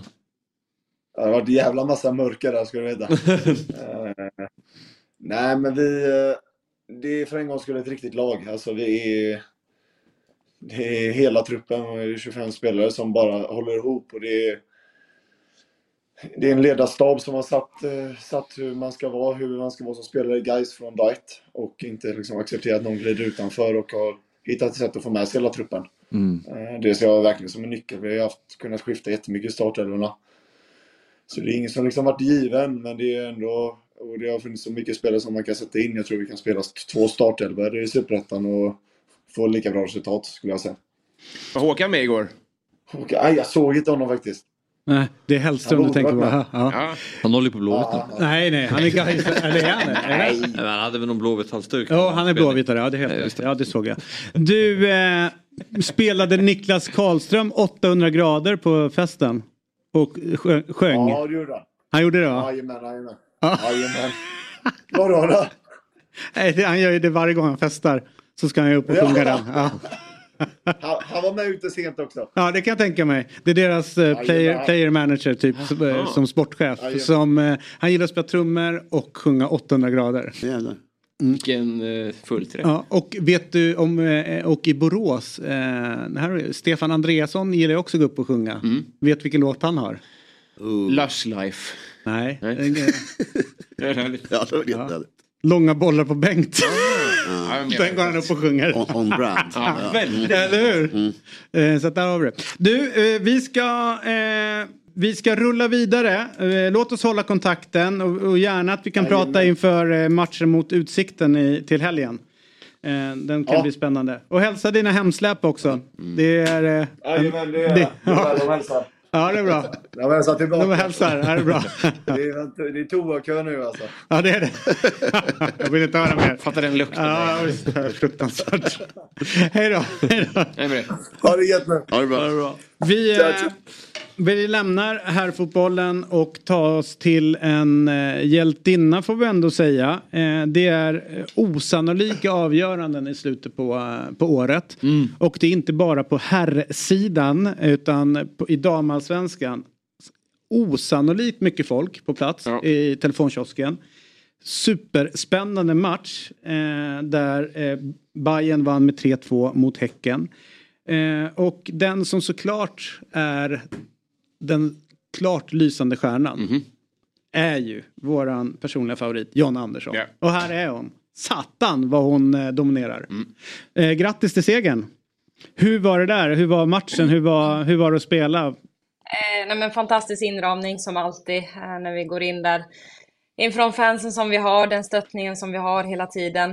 Eh, ja, men, eh, vi börjar med sån energi, får in tre mål, känner att det vår hemmaplan och att vi ska inte ge Häcken någon chans. Sen klart, de ändrar, det blir tuffare i andra halvlek men otroligt glad och stolt att vi kan gå därifrån med tre poäng och har ett fantastiskt utgångsläge. Man, märker, för, man, man märker ju att de blir tagna på sängen av mm. den här starten. Men blev ni också det? Det, är ju väldigt, det var, ju, var ju konstigt vilken jävla start ni fick nästan. Ja men det är klart att det, det kanske man inte tror att eh, det ska ske efter 20-25 minuter mot Häcken i en seriefinal, men eh, vi vet att vi är starka där. Vi vet att vi har ett självförtroende från cupfinalen mot Häcken just på Tele2, så att eh, det kommer inte av en slump. Det kommer av att vi spelar otroligt bra fotboll och att vi börjar så aggressivt som vi pratade om innan matchen. Det är ju helt bisarrt egentligen. Båda lagen står på 56 poäng med en match kvar. Eh, ni har tre måls bättre skillnad. Om du kollar då, ni möter Norrköping och Häcken har Piteå borta, båda bortaplan då. Eller Häcken hemma mot Piteå och ni borta mot Norrköping. Alltså styrkeförhållanden Norrköping-Piteå, hur ser du på det? Nej men det är klart att tabellmässigt så, så ligger Piteå bättre och eh, man kan säga att de då är ett bättre lag men eh, Eh, det känns inte som att i den här serien så, så finns det inga lätta matcher och Norrköping borta. Eh, de är starka, de har fans eh, på sin hemmaplan som stöttar dem och vi vet att vi hade tufft mot dem på kanalplan så att Norrköping borta är absolut ingen lätt match utan vi måste se till att, att steppa upp och ladda om och såklart spela med det självförtroendet som vi har haft men absolut ingen lätt match. Jag skulle inte säga att den är lättare än, än den som Häcken har Piteå hemma. Eh, hur stort skulle det vara för dig eh, liksom, personligen då med, med det här SM-guldet. Vi vet ju att du har en erfarenhet, eh, en, alltså en ryggsäck med erfarenheter som är enorm. Men hur, liksom att vinna med Bayern, vad, vad tänker du kring det? Hur stort har det varit? Nej men otroligt stort såklart. En anledning till att jag, jag flyttade hem och valde just den här klubben att vi ville slåss, slåss om ett SM-guld, slåss om Champions League-platserna och nu är vi där och har den möjligheten så att eh, få vinna ett cupguld och nu slåss om ett SM-guld det är, Eh, det är någonting som, som jag drömde om när jag valde det här. Eh, tog det här beslutet och flyttade till klubben. Märker du någonting på gruppen och dig själv nu när det drar ihop sig? Eh, den här nervositeten eller infinner sig nervositet nu när det är så pass tajt? Men det är klart att det är, det är en ny situation för många spelare. Nu har vi spelat en cupfinal och spelat en titelmatch. Så att vi har ändå varit där en gång. nu Gårdagens match var lite liknande. Det var en seriefinal vi behövde vinna. Vi ville inte att Häcken skulle ta SM-guld på, på vår hemmaplan. Eh, så att nu har vi varit där återigen. Eh, det är klart att det är nervöst. Eh, vissa har inte hamnat i den här situationen. Det är en, en första SM-guldmatch för, eh, för många i laget. Så att, eh, det, det, är klart att det är olika, men jag hoppas att vi har ett så pass tro på det här laget och ett självförtroende som gör att, att vi kan gå in där och veta att eh, vi förtjänar att vara här och vi förtjänar att fightas om det här guldet. Mm. De, de, ju, de, de, får ju in två liksom. Eh, och nu är ni red ut det. Men med facit i hand. Fa, alltså uppstod det en nervositet och som var alltså, påverkade att det var så mycket på spel? Gjorde det att man var extra, var det extra nojigt på slutet? Nej men det är klart att det är eh, otroligt eh, tufft och nervöst i slutet. Det kan man inte ljuga om i en sån här match. Det, Eh, kryss är klart att det hade varit fördel till dem inför sista omgången och allt vi ville var att ta de här tre poängen. Så att när de får in 3-2 målet är det klart att det blir en stress. Det är, det är svårt att undvika det. Men eh, ja, vi, vi klarade oss undan eh, med nöd och näppe och det ska vi vara otroligt glada och stolta över att vi har den styrkan. Men eh, det är klart att vi, vi hoppades väl inte att det skulle bli så nervöst som det blev. Mm. Härligt. Eh, vi hörs om en vecka då du kanske är lite tröttare men eh, precis har vunnit SM-guld. Det får vi hoppas på. Ja, eh, grattis till segern. Tack för att du var med denna morgon och lycka, lycka till. till i veckan.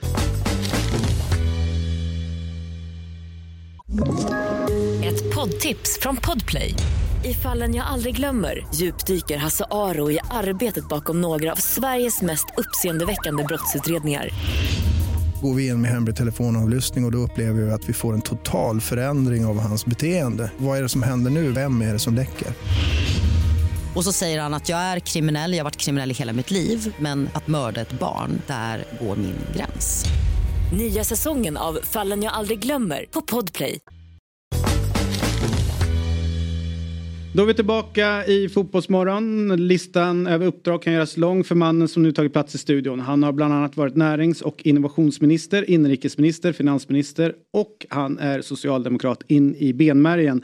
Men framför allt, och kanske det viktigaste, så är han AIK-are. Vi säger god morgon och varmt välkommen till Socialdemokraternas Mikael Damberg. Tack, god morgon. Eh, och det är ju så att vi har ju sprungit på varandra på Friends. Eh, och vi har ju en säsong, vi svartgula, som får vi säga är lite ansträngande.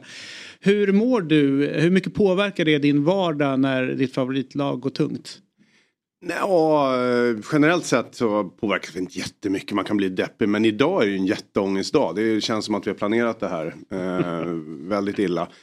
Eh, nu är det ju på allvar. Så att, eh, nej men jag hejar på ett lag är ju lite lidande. Det är ju inte så att vi vinner varje år. Så att ofta ligger... Vi borde. Ja, det borde man göra. Men, Ja. men ofta blir man ju bara besviken och, och så. Så att, eh, att heja på ett lag är ju väldigt mycket lidande. Men idag extra mycket. Men Jag påverkas efter varje match som vi förlorar och går dåligt. Ibland när vi spelar bra och förlorar då har jag inte lika stora problem. Men när vi spelar dåligt, vilket vi har gjort ganska ofta den här säsongen, mår man dåligt.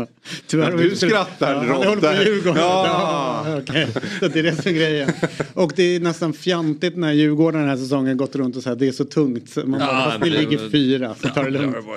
Men så här är det, vi, vi tänkte göra det. en liten faktaruta med dig. Men i och med att du inte ska, vi brukar göra att någon annan får svara på faktan om den personen. Okej. Men du har ingen sidekick här så din sidekick blir, din ofrivilliga sidekick Mm. för din del då, blir Robin. Okej.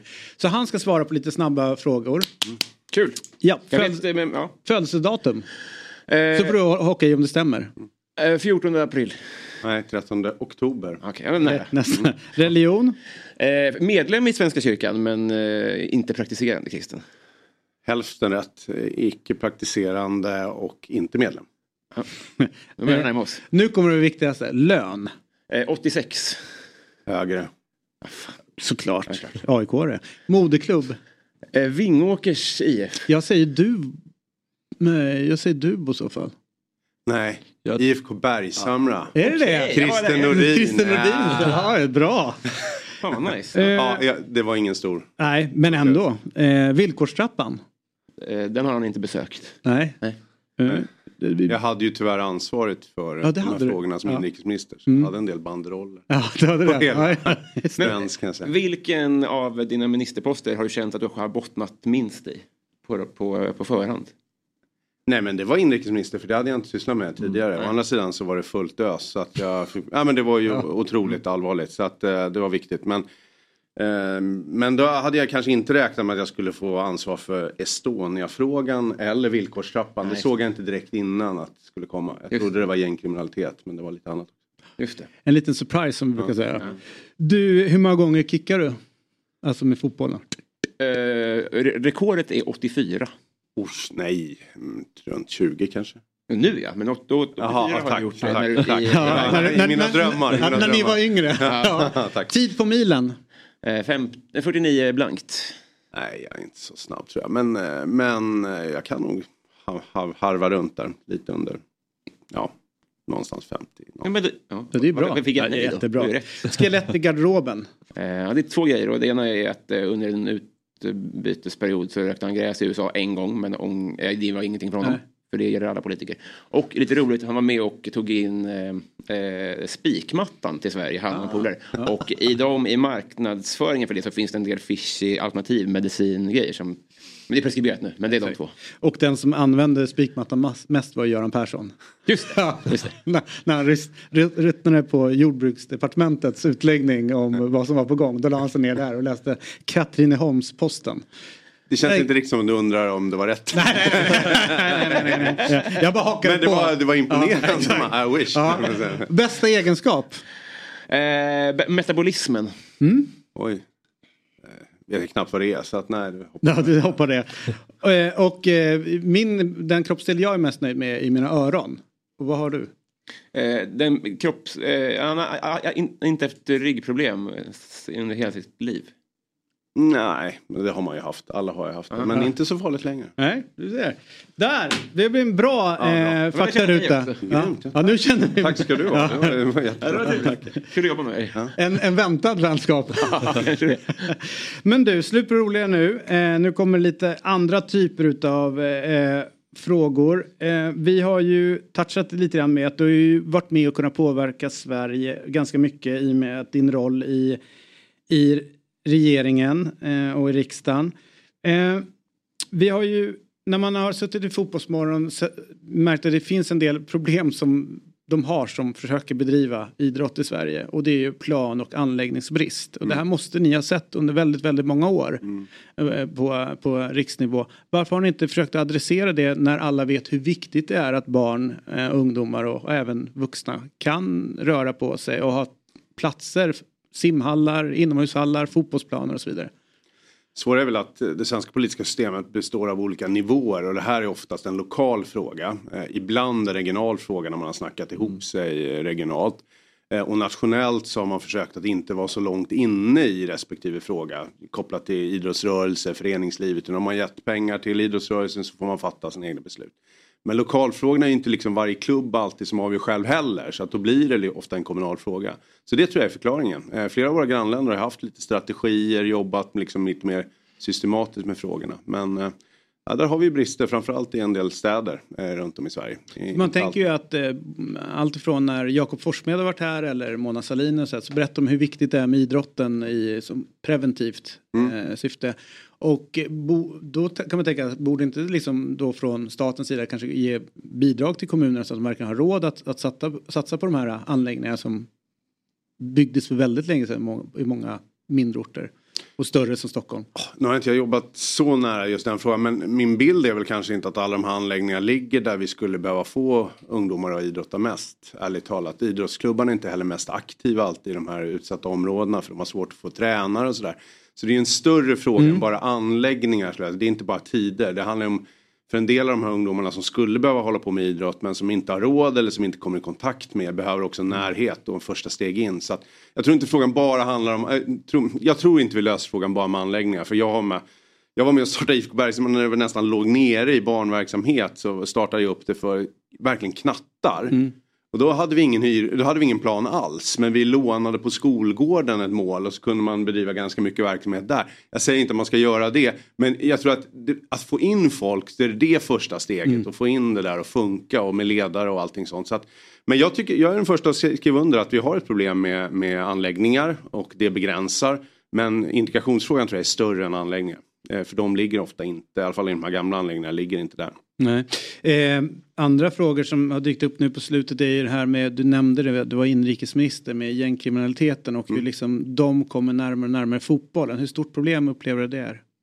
Ett stort problem, vi har haft matchfixning ganska länge, vi har de här agenterna som en del av dem verkar ganska fishy eh, och sen har vi väldigt mycket pengar i, i all idrott och det, det är de gängkriminella gillar pengar eh, och de vill få in sina pengar. Så att jag, jag är rädd för att idrotten blir nedsvärtad av också kriminell verksamhet. Och eh, det är ett jätteproblem. Ta vår hemmaklubb som fick gå ut och varna för att liksom vid träningsanläggningen så hänger det gängkriminella som tar kontakt med ungdomar. Det är ju fruktansvärt när vi talar om det motsatta. Att, att eh, idrottsverksamhet kan, kan hjälpa unga människor rätt i livet. Så att, jag tycker det är ett jätteproblem. Ehm, så att, um, ja, det är jobbigt. Men det är ju, problemet är att vi såg det här förut som att det var bara ett, gäng, ett kriminellt problem någonstans vid sidan av. Det har ätit sig in i, i välfärdsverksamhet, i föreningsliv, i, i, i liksom områden där man aldrig trodde att det skulle finnas. Eh, Så ser de en chans att tjäna pengar eller skaffa sig eh, inflytande på Tror du att det kommer fortsätta, att man kommer fortsätta att bli tagen på sängen över vilka marker de tar? På något sätt? Nej, jag tror, jag tror att det här naiva liksom börjar väl eh, försvinna bort eh, därför att vi har haft det här så länge och vi ser liksom strukturer på ett annat sätt idag. Men däremot så tror jag vi kommer behöva jobba med den här frågan länge därför att eh, eh, de är smarta. Alltså att ta bara liksom bedrägerierna mot äldre. Det, var, alltså, det tog ganska lång tid innan jag fattade att det var gängkriminella som ringde upp äldre och lurade dem på pengar. Liksom. Förstår ni att det, det, är liksom, det var inte det man tänkte sig. Ibland har man tron att de här kriminella är liksom inte klarar av att göra någonting och att de blivit kriminella. De bedriver ju ganska avancerad verksamhet. eh, bredvid sidan av lagen. Så att man får inte underskatta dem. Så att, eh, det väl min... vad, vad gör man idag för att jobba med det då? Alltså specificerat till idrotten? Idrotten har ju ett sitt eget arbete och en ganska avancerat eh, sånt arbete för att försöka uppmärksamma det. Och sen har man ett närmare samarbete med polisen. Eh, men jag tror att det här är det, det, handlar ju om väldigt mycket informationsutbyte mm. och eh, att följa pengarna. Mm. Eh, därför att vi kan inte bara liksom gå på de redan kriminella och försöka hitta kriminaliteten. Vi måste gå på pengarna för det är pengar som tjänas någonstans och det är där gängkriminella håller till. Vi hade ju Magdalena Andersson här efter Bryssel mm. eh, och den, den, den Sverigebilden nu som börjar målas upp utlandet. Hur problematiskt är det och hur kan vi göra för att försöka vända på den så att vi kan i samband med landskamper eller vad det nu kan vara eller semestrar vara stolt, visa upp en Sverigeflagga eller liknande så. Rent generellt så liksom, ett, man måste lyssna på ifall det finns någon särskild hotbild eller sådär, då ska man lyssna på myndigheterna. Men annars så liksom, att inte låta terroristerna få vinna, det är ju otroligt viktigt också för ett samhälle att ge en annan bild. Att, att den svenska eh, landslagströjan är en symbol för hopp, eh, för gemenskap och någonting som vi är stolta över. Så jag tror att eh, man måste våga ta det där steget att visa att vi, vi står bakom den svenska flaggan. Så att, eh, och jag tror att Sverigebilden är, är skadad. Jag tror att om inte vi blir av med det här snart så sätts det en bild av att vi hatar muslimer globalt sett. Och det tror jag är en, en väldigt farlig bild. Den är ju inte sann heller. Eh, liksom med hur vårt samhälle ser ut. Även om vi har rasism i vårt mm. samhälle mm. så är det ju inte så att Sverige som land inte har gett möjligheter till människor i, i vårt land av olika religiös bakgrund eller vad det nu kan vara. Så att, ja, det där, det där, jag är orolig för jag tror att det är, det farligare Sverige vi ser framför oss när, när det här växer och sätts den här bilden. Mm. Tillbaka till eh, fotbollen då. Eh, du är som sagt var AIK-are. Var kommer intresset ifrån? Jag är född och uppvuxen i Solna, så att, eh, i Bergshamra. Så att eh, för mig har det varit ganska självklart. Det var min pappa som tog mig på första matchen någon gång på, på Gamla Råsunda. Jag tror att min första match faktiskt var mot eh, Göteborg. Mitten på 80-talet någonstans. Och sen har jag Sen slutade han gå med mig för att jag var lite för... Hetsig? Ja, lite så. Han klarade inte av att man lät eh, och så. Så att eh, Tyvärr, eh, nu är han borta men annars hade jag gärna gått med honom igen sen. Men, men när man var ung så var det lite svårare. Så jag var väldigt aktiv ett tag, var på norra och, och sådär men, men sen har jag liksom, gått hela varvet runt mm. nästan. Så, du, södra nu? Nej, västra. västra, fina västra. Mm. Du, eh, favoritspelare då? Genom åren? Genom åren? Oj, den där är svår. Eh, men det är ju liksom, ofta är det de här lite bastanta backarna som man tycker om. Men sen eh, Motumba tycker jag var, liksom, det var ju något helt annorlunda. Mm. Det var ju, man visste ju aldrig vilket håll han skulle springa åt och vad han skulle ta vägen. Eller om han dök upp. Eller när han tatuerade sig. Ja, det var galet. Ja. Men det, är roligt att det finns sådana spelare också. Mm. Jag tror att det har brutit mark för hur man kan vara som spelare också. Vi har ju pratat lite grann om en identitet eh, och eh, AIK har ju aldrig varit kända för att göra mycket mål. Eh, hur har det präglat din syn på att kolla fotboll? Nej, men jag, jag, tycker, jag tycker det är kul med fotboll det här mer det strategiska, det här liksom det är lite långsammare, det är lite och det här var snyggt blockat eller passat eller sådär. Det är det som gör att jag tycker det är kul med fotboll och inte är jättestor för hockey. Kan ju ja. bero på att AIK är dåliga på hockey också. Men, vi är på gång, vi liksom, ligger trea. Vi är på väg upp. Jag vet, men, De här men, ligger liksom, i botten. Men, jag vet, men, men liksom, ja, historiskt sett, det kan ha påverkat. Ja, man vet inte om man är medgångssupporter. Men jag tycker att det det spelar roll och att det är det som är tjusningen med fotboll tycker jag. Eh, det för det är rätt kul det här med identiteten för jag kan ju bli pressad när det sitter folk och vill se för mycket offensiv fotboll. Jag säger, men ge mig en 1-0-seger ja. och gärna orättvis. Ja. Så vet, så här, 0-0, 93 så gör man 1-0. och det, där är vi som starka som aik för ja. vi ser ju inte att vi har varit sämre den matchen utan det är bara segern. Mm. Men du vet när det blir 4-1, 5-1, det är så här, då har man ju inte spänningen in i det sista. Man vill ju ha den här 0-0 grejen och där är vi ganska präglade. När vi vinner SM-guld 98 så är vi knappt med mål och så vidare. Men där är ju du lite någon annan. Du vill bli mer underhållen. Alltså, ja, säger... men jag, när jag tittar på fotboll vill jag bli underhållen. Mm. Det, det, men är inte det den moderna fotbollen lite grann att den går lite ifrån oss också? Mm, ja, jo, vi, står kvar. ju... vi står kvar på perrongen. så är det verkligen. En jävla tiki-taka och grejer. Sparka långt är dumma jävlar. Eh, eh, var står du i supporterrörelsen? Backar mm. du dem gentemot andra makthavare? För ibland kan jag få en bild av att det är lite svartvitt så att antingen så eh, stöttar man fotbollen och har förståelse för att det kommer med ett pris om vi vill ha den här fina läktarkulturen.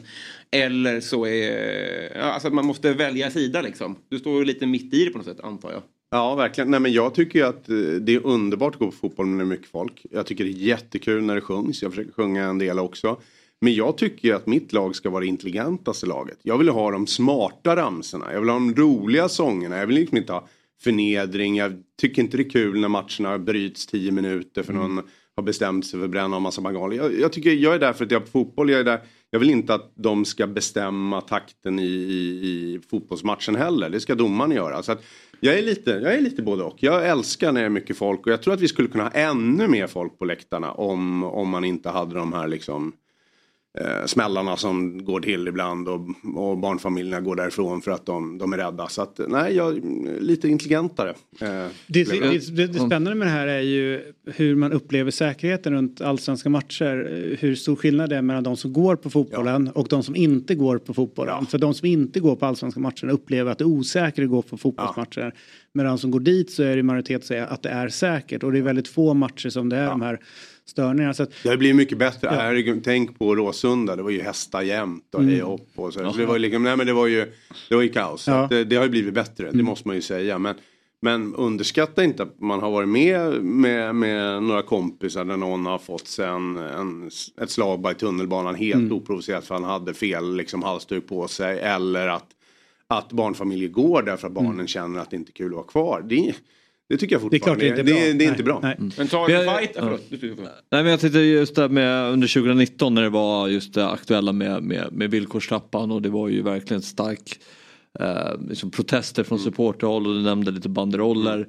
Hur var det att jobba med och hur högt var det uppe liksom i prioriteringslistan för din del som politiker? Men först, eh, vi hade gängvåld då också mm. så att det liksom var min första prioritet och andra och tredje. Men det är klart den här frågan var stor men där hade vi liksom, min del ju lagstiftningen och det var inte så många som ville ändra liksom ordningslag. Man, man, man tycker att man ska tolka lagen på ett nytt mm. sätt eller vara mer smidig. Det får egentligen jag som politiker inte ha så mycket synpunkter på. För har jag synpunkter på det så blir det ministerstyre. Mm. För det är egentligen myndigheten, polismyndigheten ska tolka det här. Så, men då fick man ställa frågor till Polismyndigheten istället. Tycker ni att samarbete med klubbarna funkar bra? Skulle Tycker man kunna ni, tolka det på ett annat nej, men sätt? Kan man, kan man jobba på ett annat ja. sätt? Har ni gemensamma intressen att få det här att funka?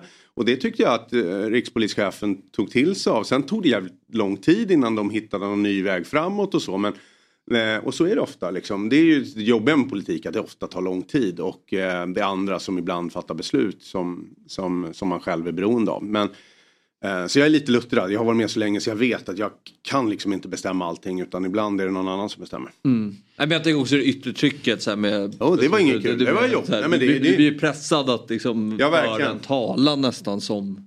Ja men verkligen och alla tror att jag kan bara bestämma ja. någonting så enkelt är det inte alltid. Så att, eh, men, men det var ju ingen bra situation när liksom bara alla skyllde på varandra också. Någon mm. måste ju ta ansvar och då måste man göra det, liksom dra en gräns och bestämma hur man ska jobba. Det tycker det verkar funka lite bättre nu i alla fall. Mm. Uh, så att eh, förhopp- ta i till det. Ja. ja men liksom. Uh, än så länge. Än så länge. Mm. Du hade en fråga. Nej det var väl egentligen. Eh, det var nog. Nej jag kommer inte ihåg. Men det var svinsmart. men, men kan, du, kan, du känna en viss, kan du känna en viss sympati mot. Eh, ja, men nu har vi Janne Andersson som blir ganska hårt åtgången för resultatmässigt. Vi har sett andra idrottare genom åren som också kan få rätt mycket hat så.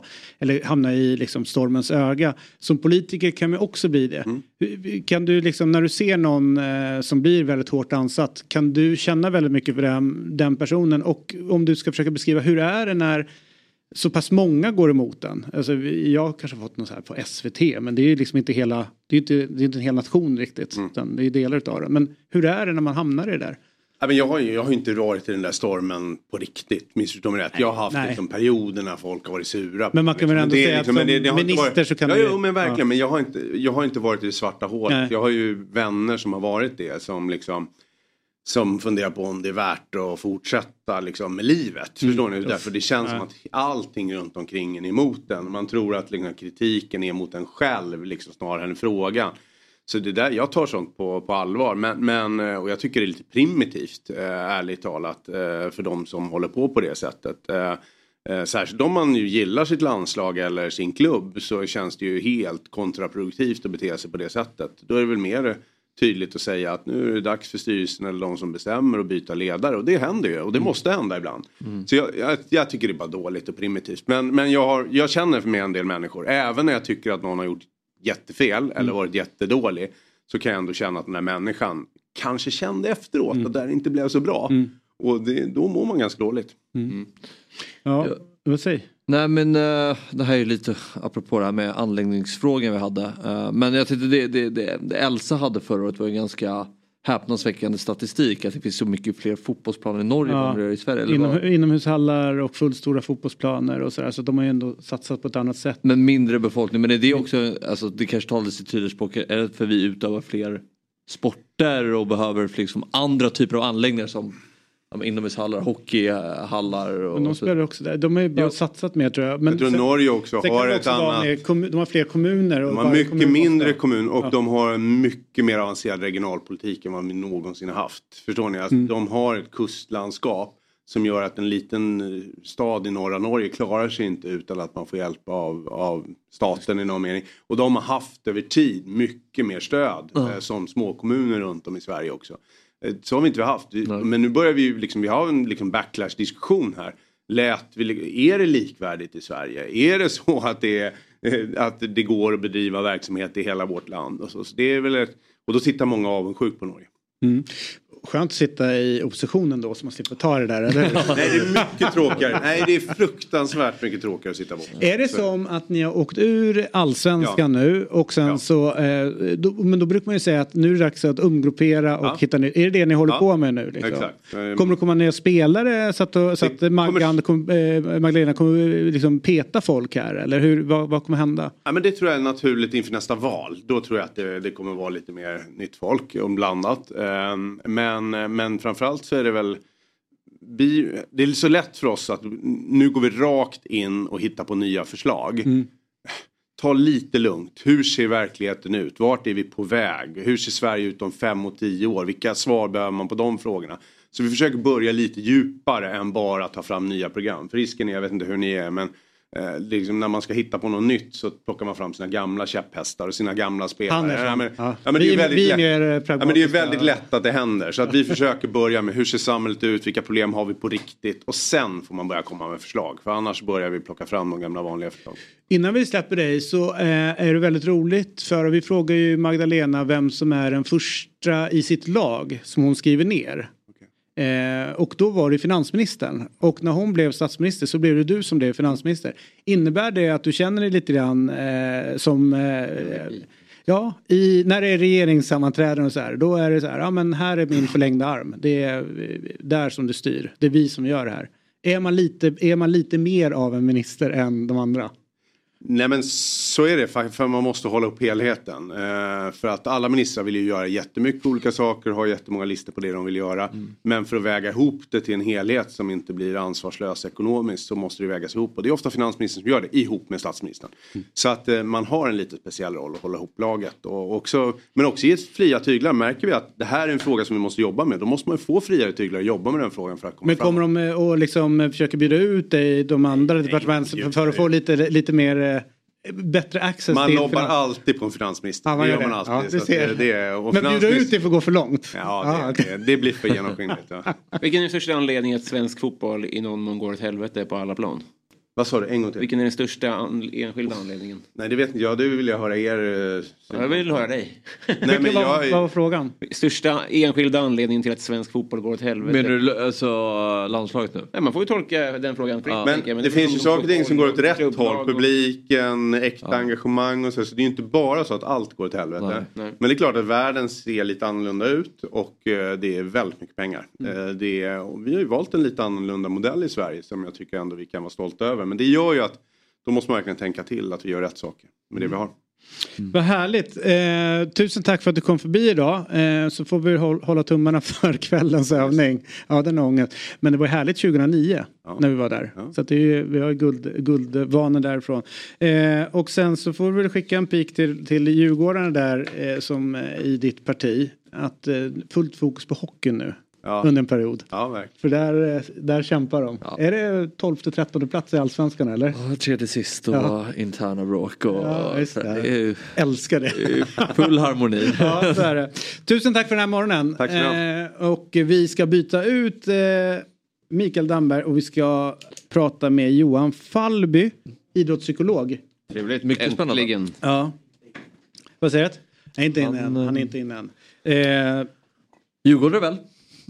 Johan Fallby tror jag är Djurgården. Han har jobbat i Djurgården, han har jobbat i FCK Just också. Eh, och just nu så jobbar han tillsammans med Marcus Johannesson, före detta Djurgårds lagkapten och Örgryte. Ja. Eh, med föreläsningar och sådär. Eh, och är ju en av de vassaste vad det gäller just eh, mm, att hantera eh, och nu låter det hemskt men profilera lite grann. Ta reda på vilka spelarna är som man eventuellt går efter eh, till, ett, till ett lag. Så att det är superintressant. Men medan vi väntar på honom så tänkte jag vi, vi kan faktiskt backa bandet till lördag kväll. Eh, det var en bland de mäktigaste inledningarna, äh, introna på matchen. Det är ju Der Klassiker som spelades i eh, Dortmund. Och eh, så blev det väl en, en sån här överkörning som man inte riktigt vill ha i en sån Der Klassiker. 4-0 till Bayern München. Vad säger du om styrkeförhållandena lagen emellan nu? Nej, det är så men eh, man har sett det här förr och det känns som att det var ganska mycket, alltså, visst, på, om, om man tar liksom Dortmunds ytterbackar är liksom eh, eh, håller på med en annan sport än vad Bayern Münchens yttrar gör. Att de ska behöva mötas är liksom, det känns genant. Mm. Hur mycket bättre deras yttrar är än ytterbackar. Men ja, det, det stora är väl att det, liksom, det hänger kvar. Att det är lillebrorskomplex som man kommer ta väldigt lång tid att skaka av sig. Från, från i våras också som hänger kvar, alltså när de hade chansen att vinna. Alltså, ja, men från hundra år tillbaka. Och ka- framförallt att jag tror att Bayern har ju en förmåga att studsa tillbaka också. De, de röker ju kuppen. Eh, och det var nog det sämsta som kunde hända inför den här matchen. Mm. Det, det som sticker ut är ju, eh, det fanns ju inte ett jättestort frågetecken men att Harry Kane har kunnat göra mål i England har han bevisat. Att han kan göra det i Tottenham är bevisat. Men skulle han klara av det i ett annat land, i ett annat lag, alltså alla de frågetecknen som fanns. 15 mål på 10 matcher. Enormt. Alltså det är ju, han kommer ju slakta där nere också. Ja, det är så sjukt imponerande. Alright, eh, så här är det att Malmö hade lite jobbigt på hissingen. Eh, häcken, eh, alltså på damsidan, hade det jobbigt på Tele2. Elfsborg och eh, Degerfors eh, blev ju kryss och det var ju inget bra för något av dem. Vi kan inte liksom kasta in Elfsborg här men åtminstone, eller Degerfors men Elfsborg däremot.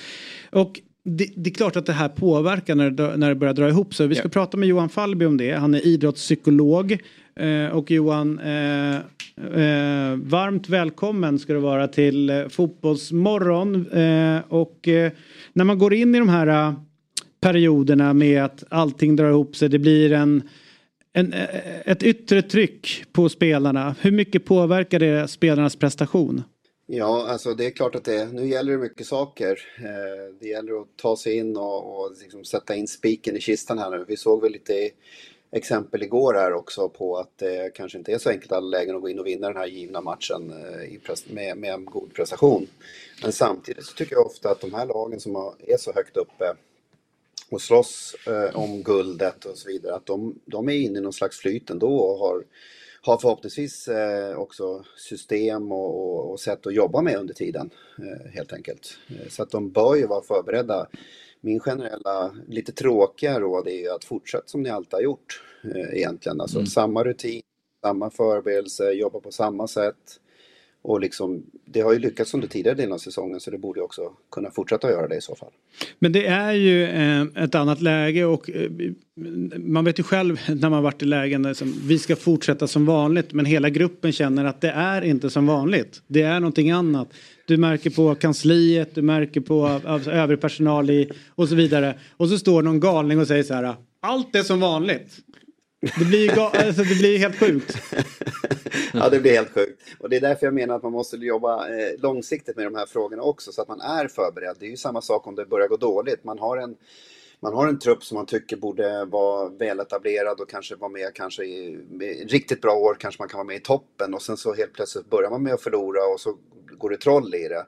Då bör man ju ha jobbat långsiktigt med de här frågorna för att eh, inte, kunna, eh, inte påverkas maximalt av det. Sen går det ju helt omöjligt. Man kan ju inte lura folk heller och säga att ja, men det här är som vanligt och så bara köra på. Så det går ju inte att köra den varianten utan förbereder långt innan och har man inte gjort det nu, ja men då tror jag Mm. också att prestationen svänga mycket mer än Mm. vad de eh, borde göra om man då har jobbat långsiktigt med de här sakerna. Om man ser då för, för Malmö då som eh, på något sätt förlorar ju guldet, eh, tänker de, när de bara får det här, eh, eller när de torskar mot Häcken. Och är ju helt knäckta. Och sen så får de då resultatet 1-1 eller 2-2 mellan Deg- Degerfors och Elfsborg. De ser bilderna från Borås Arena hur Elfsborgsspelarna ligger ner och grinar och är knäckta. Och de får den här andra chansen. Psykologiskt, liksom, vad händer styrkeförhållanden däremellan? Är det någonting man kan använda till nästa helg? Jag eh, håller fast vid det. Det är klart att det kan vara spännande att sitta där nu på kvällen men nu är det en vecka kvar till sista omgången och det kommer hända mycket under den perioden. Är man väl förberedd i Elfsborg i det här fallet då, då är det väl helt okej att sätta sig och, och gråta lite och, och, och, och kände att det här var jobbigt och sen då bara prata igenom det eh, dagen efter eller två dagar efter beroende på hur deras scheman ser ut och sen så gå tillbaka till ja, men vad är det vi har gjort som är bra den här säsongen? Vad är det vi gjorde förra gången mot Malmö eh, med det som var bra och det som var dåligt och sen fokusera in mot den matchen. Och det är samma med Malmö, de kanske tror att de har någon fördel i det här men går de på den niten och inte liksom förbereder sig själva och jobbar vidare systematiskt under en period så, så kommer de inte ha några styrkeförhållanden eller känna någonting på det heller. Så jag tror att det här må, många gånger så t- tror jag man måste känna till vad de här lagen gör och hur de har jobbat tidigare, vilka förberedelser, vad de är i sina faser för att kunna förutsäga sådana här saker. Det här är ofta det som som jag tycker man spekulerar i och man bör spekulera i också i media på olika sätt och vis att det, åh, det här kommer ge stora fördelar eller det här kommer inte göra det, det här kommer vara svårare eller lättare. Ett bra exempel på det är ju till exempel, nu snackar alla om men nere i Malmö så är det, det är fantastiskt där, de kommer ha sån enorm fördel av sin publik och så vidare. Men tittar man rent statistiskt på avgörande matcher så är det, så jämnas den här fördelen av hemmaplan, bortaplan ut eh, rent statistiskt när det är avgörande matcher. Eh, Spännande. så det är studier borta från NHL till exempel när det blir Game 7 där borta i slutspelet så, så är det inte en för- hemmaplansfördel längre utan då är det, eh, då är det jäm, jämnt skägg och de här lagen är ofta väldigt, väldigt jämna också när man möts eh, tidigare och så vidare. De är båda med i toppen i det här fallet nu och eh, därför så är man Gillar man odds så ska man nog lägga in en, en liten slant på Elfsborg borta istället för du kommer få mycket bättre odds där egentligen Mm. än, än vad det egentligen rent Ja, det är en match som gäller. Det är en final helt enkelt. Eh, så. Sen är det intressant kan man spekulera. En fördel är att man, att man kan kryssa då i Elfsborgs fall eller, eller så. Mm. Och där att bearbeta det för att gå in och säga nu ska vi försöka, försöka kryssa mot Malmö på bortaplan. Nej, jag tror man måste förbereda sig på ett annat sätt. Vi ska in och spela vårt spel. Vi, kan, vi ska inte in och försvara någonting. Vi måste gå in och, och göra det vi kan för att vinna den här matchen precis som vi hade gjort i vanliga fall. En, en grej som är, som, om man lyssnar på det du säger så är det oerhört viktigt med processer, oerhört viktigt att fortsätta jobba med det sätt man har jobbat. Och jag vet också att det är viktigt att det här är över tid, man gör inte punktinsatser och jobbar med det mentala. Men jobbar klubbarna verkligen på det här sättet i Sverige? Jag tror att det skiljer rätt mycket faktiskt hur man systematiskt gör det. Eh, en del klubbar går in och så har man någon föreläsning eller gör någonting kortsiktigt så är det check in the box och så har man gjort det där. Och eh, där, där tror jag då på, eh, och det ska jag väl säga som idrottspsykologisk rådgivare också, men där tror jag på att man måste jobba långsiktigt. För, och då har man gjort det så har man också en ökad sannolikhet att lyckas i sådana här situationer men det ger ju inga garantier heller. Det är ju som sagt var det är här som jag tycker är spännande med människor också. Vi reagerar olika och det kan vara små saker som avgör och, och sen kan man efteråt se man ja men det var ju självklart, de spelar ju på hemmaplan, därför vann de eh, om nu Malmö gör det. Eller ja ja men de hade ju fortfarande ingenting att förlora Elfsborg för det här, eh, de har redan tappat det och så så känner de att de inte har någonting att förlora längre och nu går de in och så vann de klart och ner Och så kan man efteråt hitta förklaringarna. Men innan vet vi ju inte riktigt vad som händer. Och därför måste man jobba med alla små detaljer för att så ofta som möjligt få den här marginalen på sin sida. Och det är ju precis det som långsiktighet och, och processer handlar om som du säger David. Du, vilken är den största myten inom idrottspsykologi? Vad går folk runt och säger och jobbar efter som bara är trams? Ja. ja, det finns allt från det här med 10 000 timmar till exempel tycker jag, men den börjar väl försvinna nu. 10 000 timmar, om du tränar i 10 000 timmar kan du lyckas med vad som helst och det finns ju inga eh, samband mellan det, inga direkta samband, eh, kausala samband mellan det. Det är en sån sak. Men det finns andra saker som man stöter på. Det är ju till exempel att ja, men man ska inte börja pilla i det här nu. Eh, man ska inte lyfta upp att det, är, att det är en avgörande match och så vidare. Då blir folk mer nervösa. Men det är ju tvärtom. Lyft upp eh, den rosa elefanten på bordet. Prata om det öppet och rakt så att vi vet var vi står någonstans. Hur, hur upplever ni eh, den här situationen? Vad tänker jag och hur ska vi göra det här på bästa sätt? Och, och prata och lära känna varandra.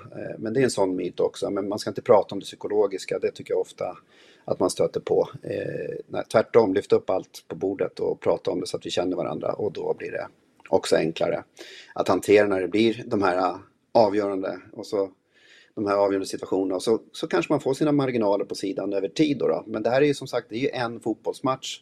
Man ser en en straff i andra minuten var det väl igår i, i någon annan match på Tele2 här i Stockholm. Och, och den, den sätter ju prägel på hela, på hela matchen. Och det vet vi inte om det kommer hända nere i Malmö heller. Eh, om det blir en straff i, i, i, första minuten till något lag så kommer det påverka. Och det kan vi ju inte förbereda oss för och säga alla scenarier. Men däremot kan vi förbereda oss för oavsett vad som händer så ska vi göra det här tillsammans. Och vi ska ge det här en ordentlig chans. Och så gör vi det så bra vi kan och så får man ju se efteråt. Det är ju bara en match. Hade det varit sju matcher så hade det ju varit enklare att få fram den rätta vinnaren så att säga. Men nu har det ju varit 29 matcher innan i och för sig ändå som, där de har samlat poäng. Så att, ja. Hur hade du reagerat om Jimmy Tillin lyfte luren till dig och berättade att han behöver din expertis, han behöver din hjälp här? Ja, alltså det är nog lite sent i så fall att komma in eh, i, i det läget eh, och göra. Då kan man ju hoppas på placeboeffekter såklart, att det kommer in en ny röst som säger kanske samma sak som de har sagt tidigare för att förstärka någonting och så vidare. Men, men jag tror inte att någon av de här eh, två föreningarna som jag känner dem är, är så oprofessionella att de gör på det sättet utan uh, jag tror att de är mer långsiktiga och det är väl både vad Rydström och Thelin har, eh, är kända för att de är systematiska och jobbar eh, på ett, ett, ett, ty, ett, tydligt arbetssätt, om man tittar i alla fall utifrån sett, eh, som jag har gjort. Så det, det hoppas jag inte att de är i de tankarna, även fast det skulle vara intressant att, att se hur de jobbar invändigt. Det är det ju alltid, men, men jag hoppas att det inte sker, utan jag ser fram emot att se en sitta i publiken, jag, säga. jag ska inte ner till Malmö, men att sitta framför, bänkad framför tv och njuta av en härlig, skön avslutning på säsongen. Det är lite härligt ju att det mm. blir en det blir en avgörande match. Eh, och det är ju inte ofta det händer. Jag, jag, fattar att det verkligen inte ligger på ditt bord, men jag, en grej som jag såg på tv när jag var liten som jag inte fattar varför folk inte använder mer, det är ju hypnos. Varför jobbar mm. man inte med det innan match? Att säga till spelarna att ni är bättre än de här?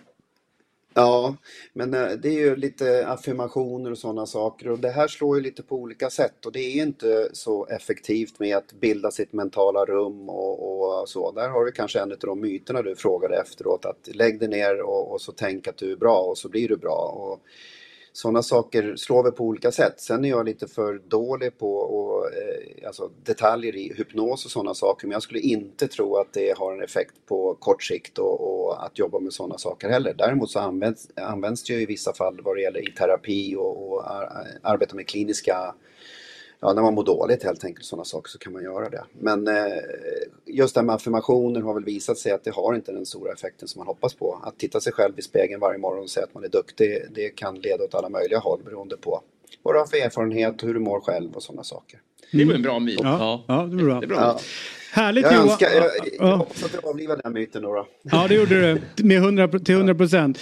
tusen tack för den här morgonen. Eh, intressant att höra dina tankar. Eh, så håller vi kontakten och lycka till och hälsa Marcus Johannesson också. Det ska jag absolut göra. Det ja. ska jag absolut göra. Tack ha det gott. gott. jag fick vara med. Och... Jag var lite så. Hej hej.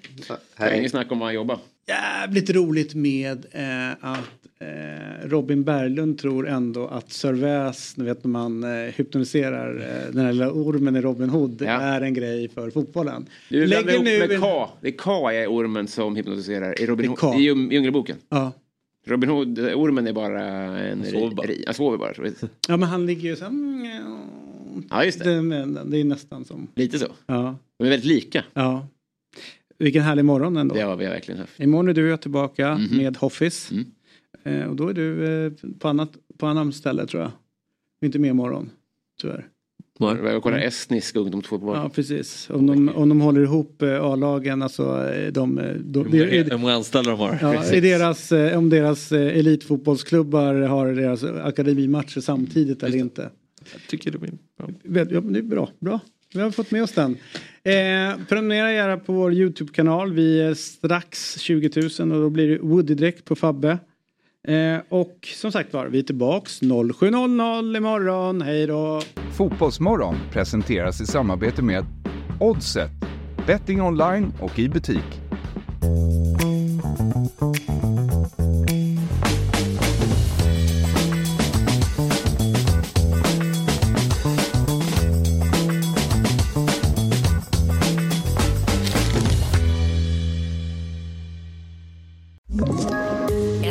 Poddtips från Podplay.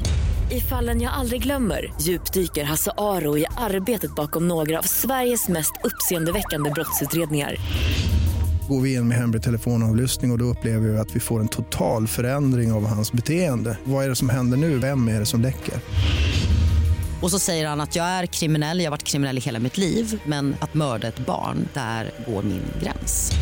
Nya säsongen av Fallen jag aldrig glömmer på Podplay.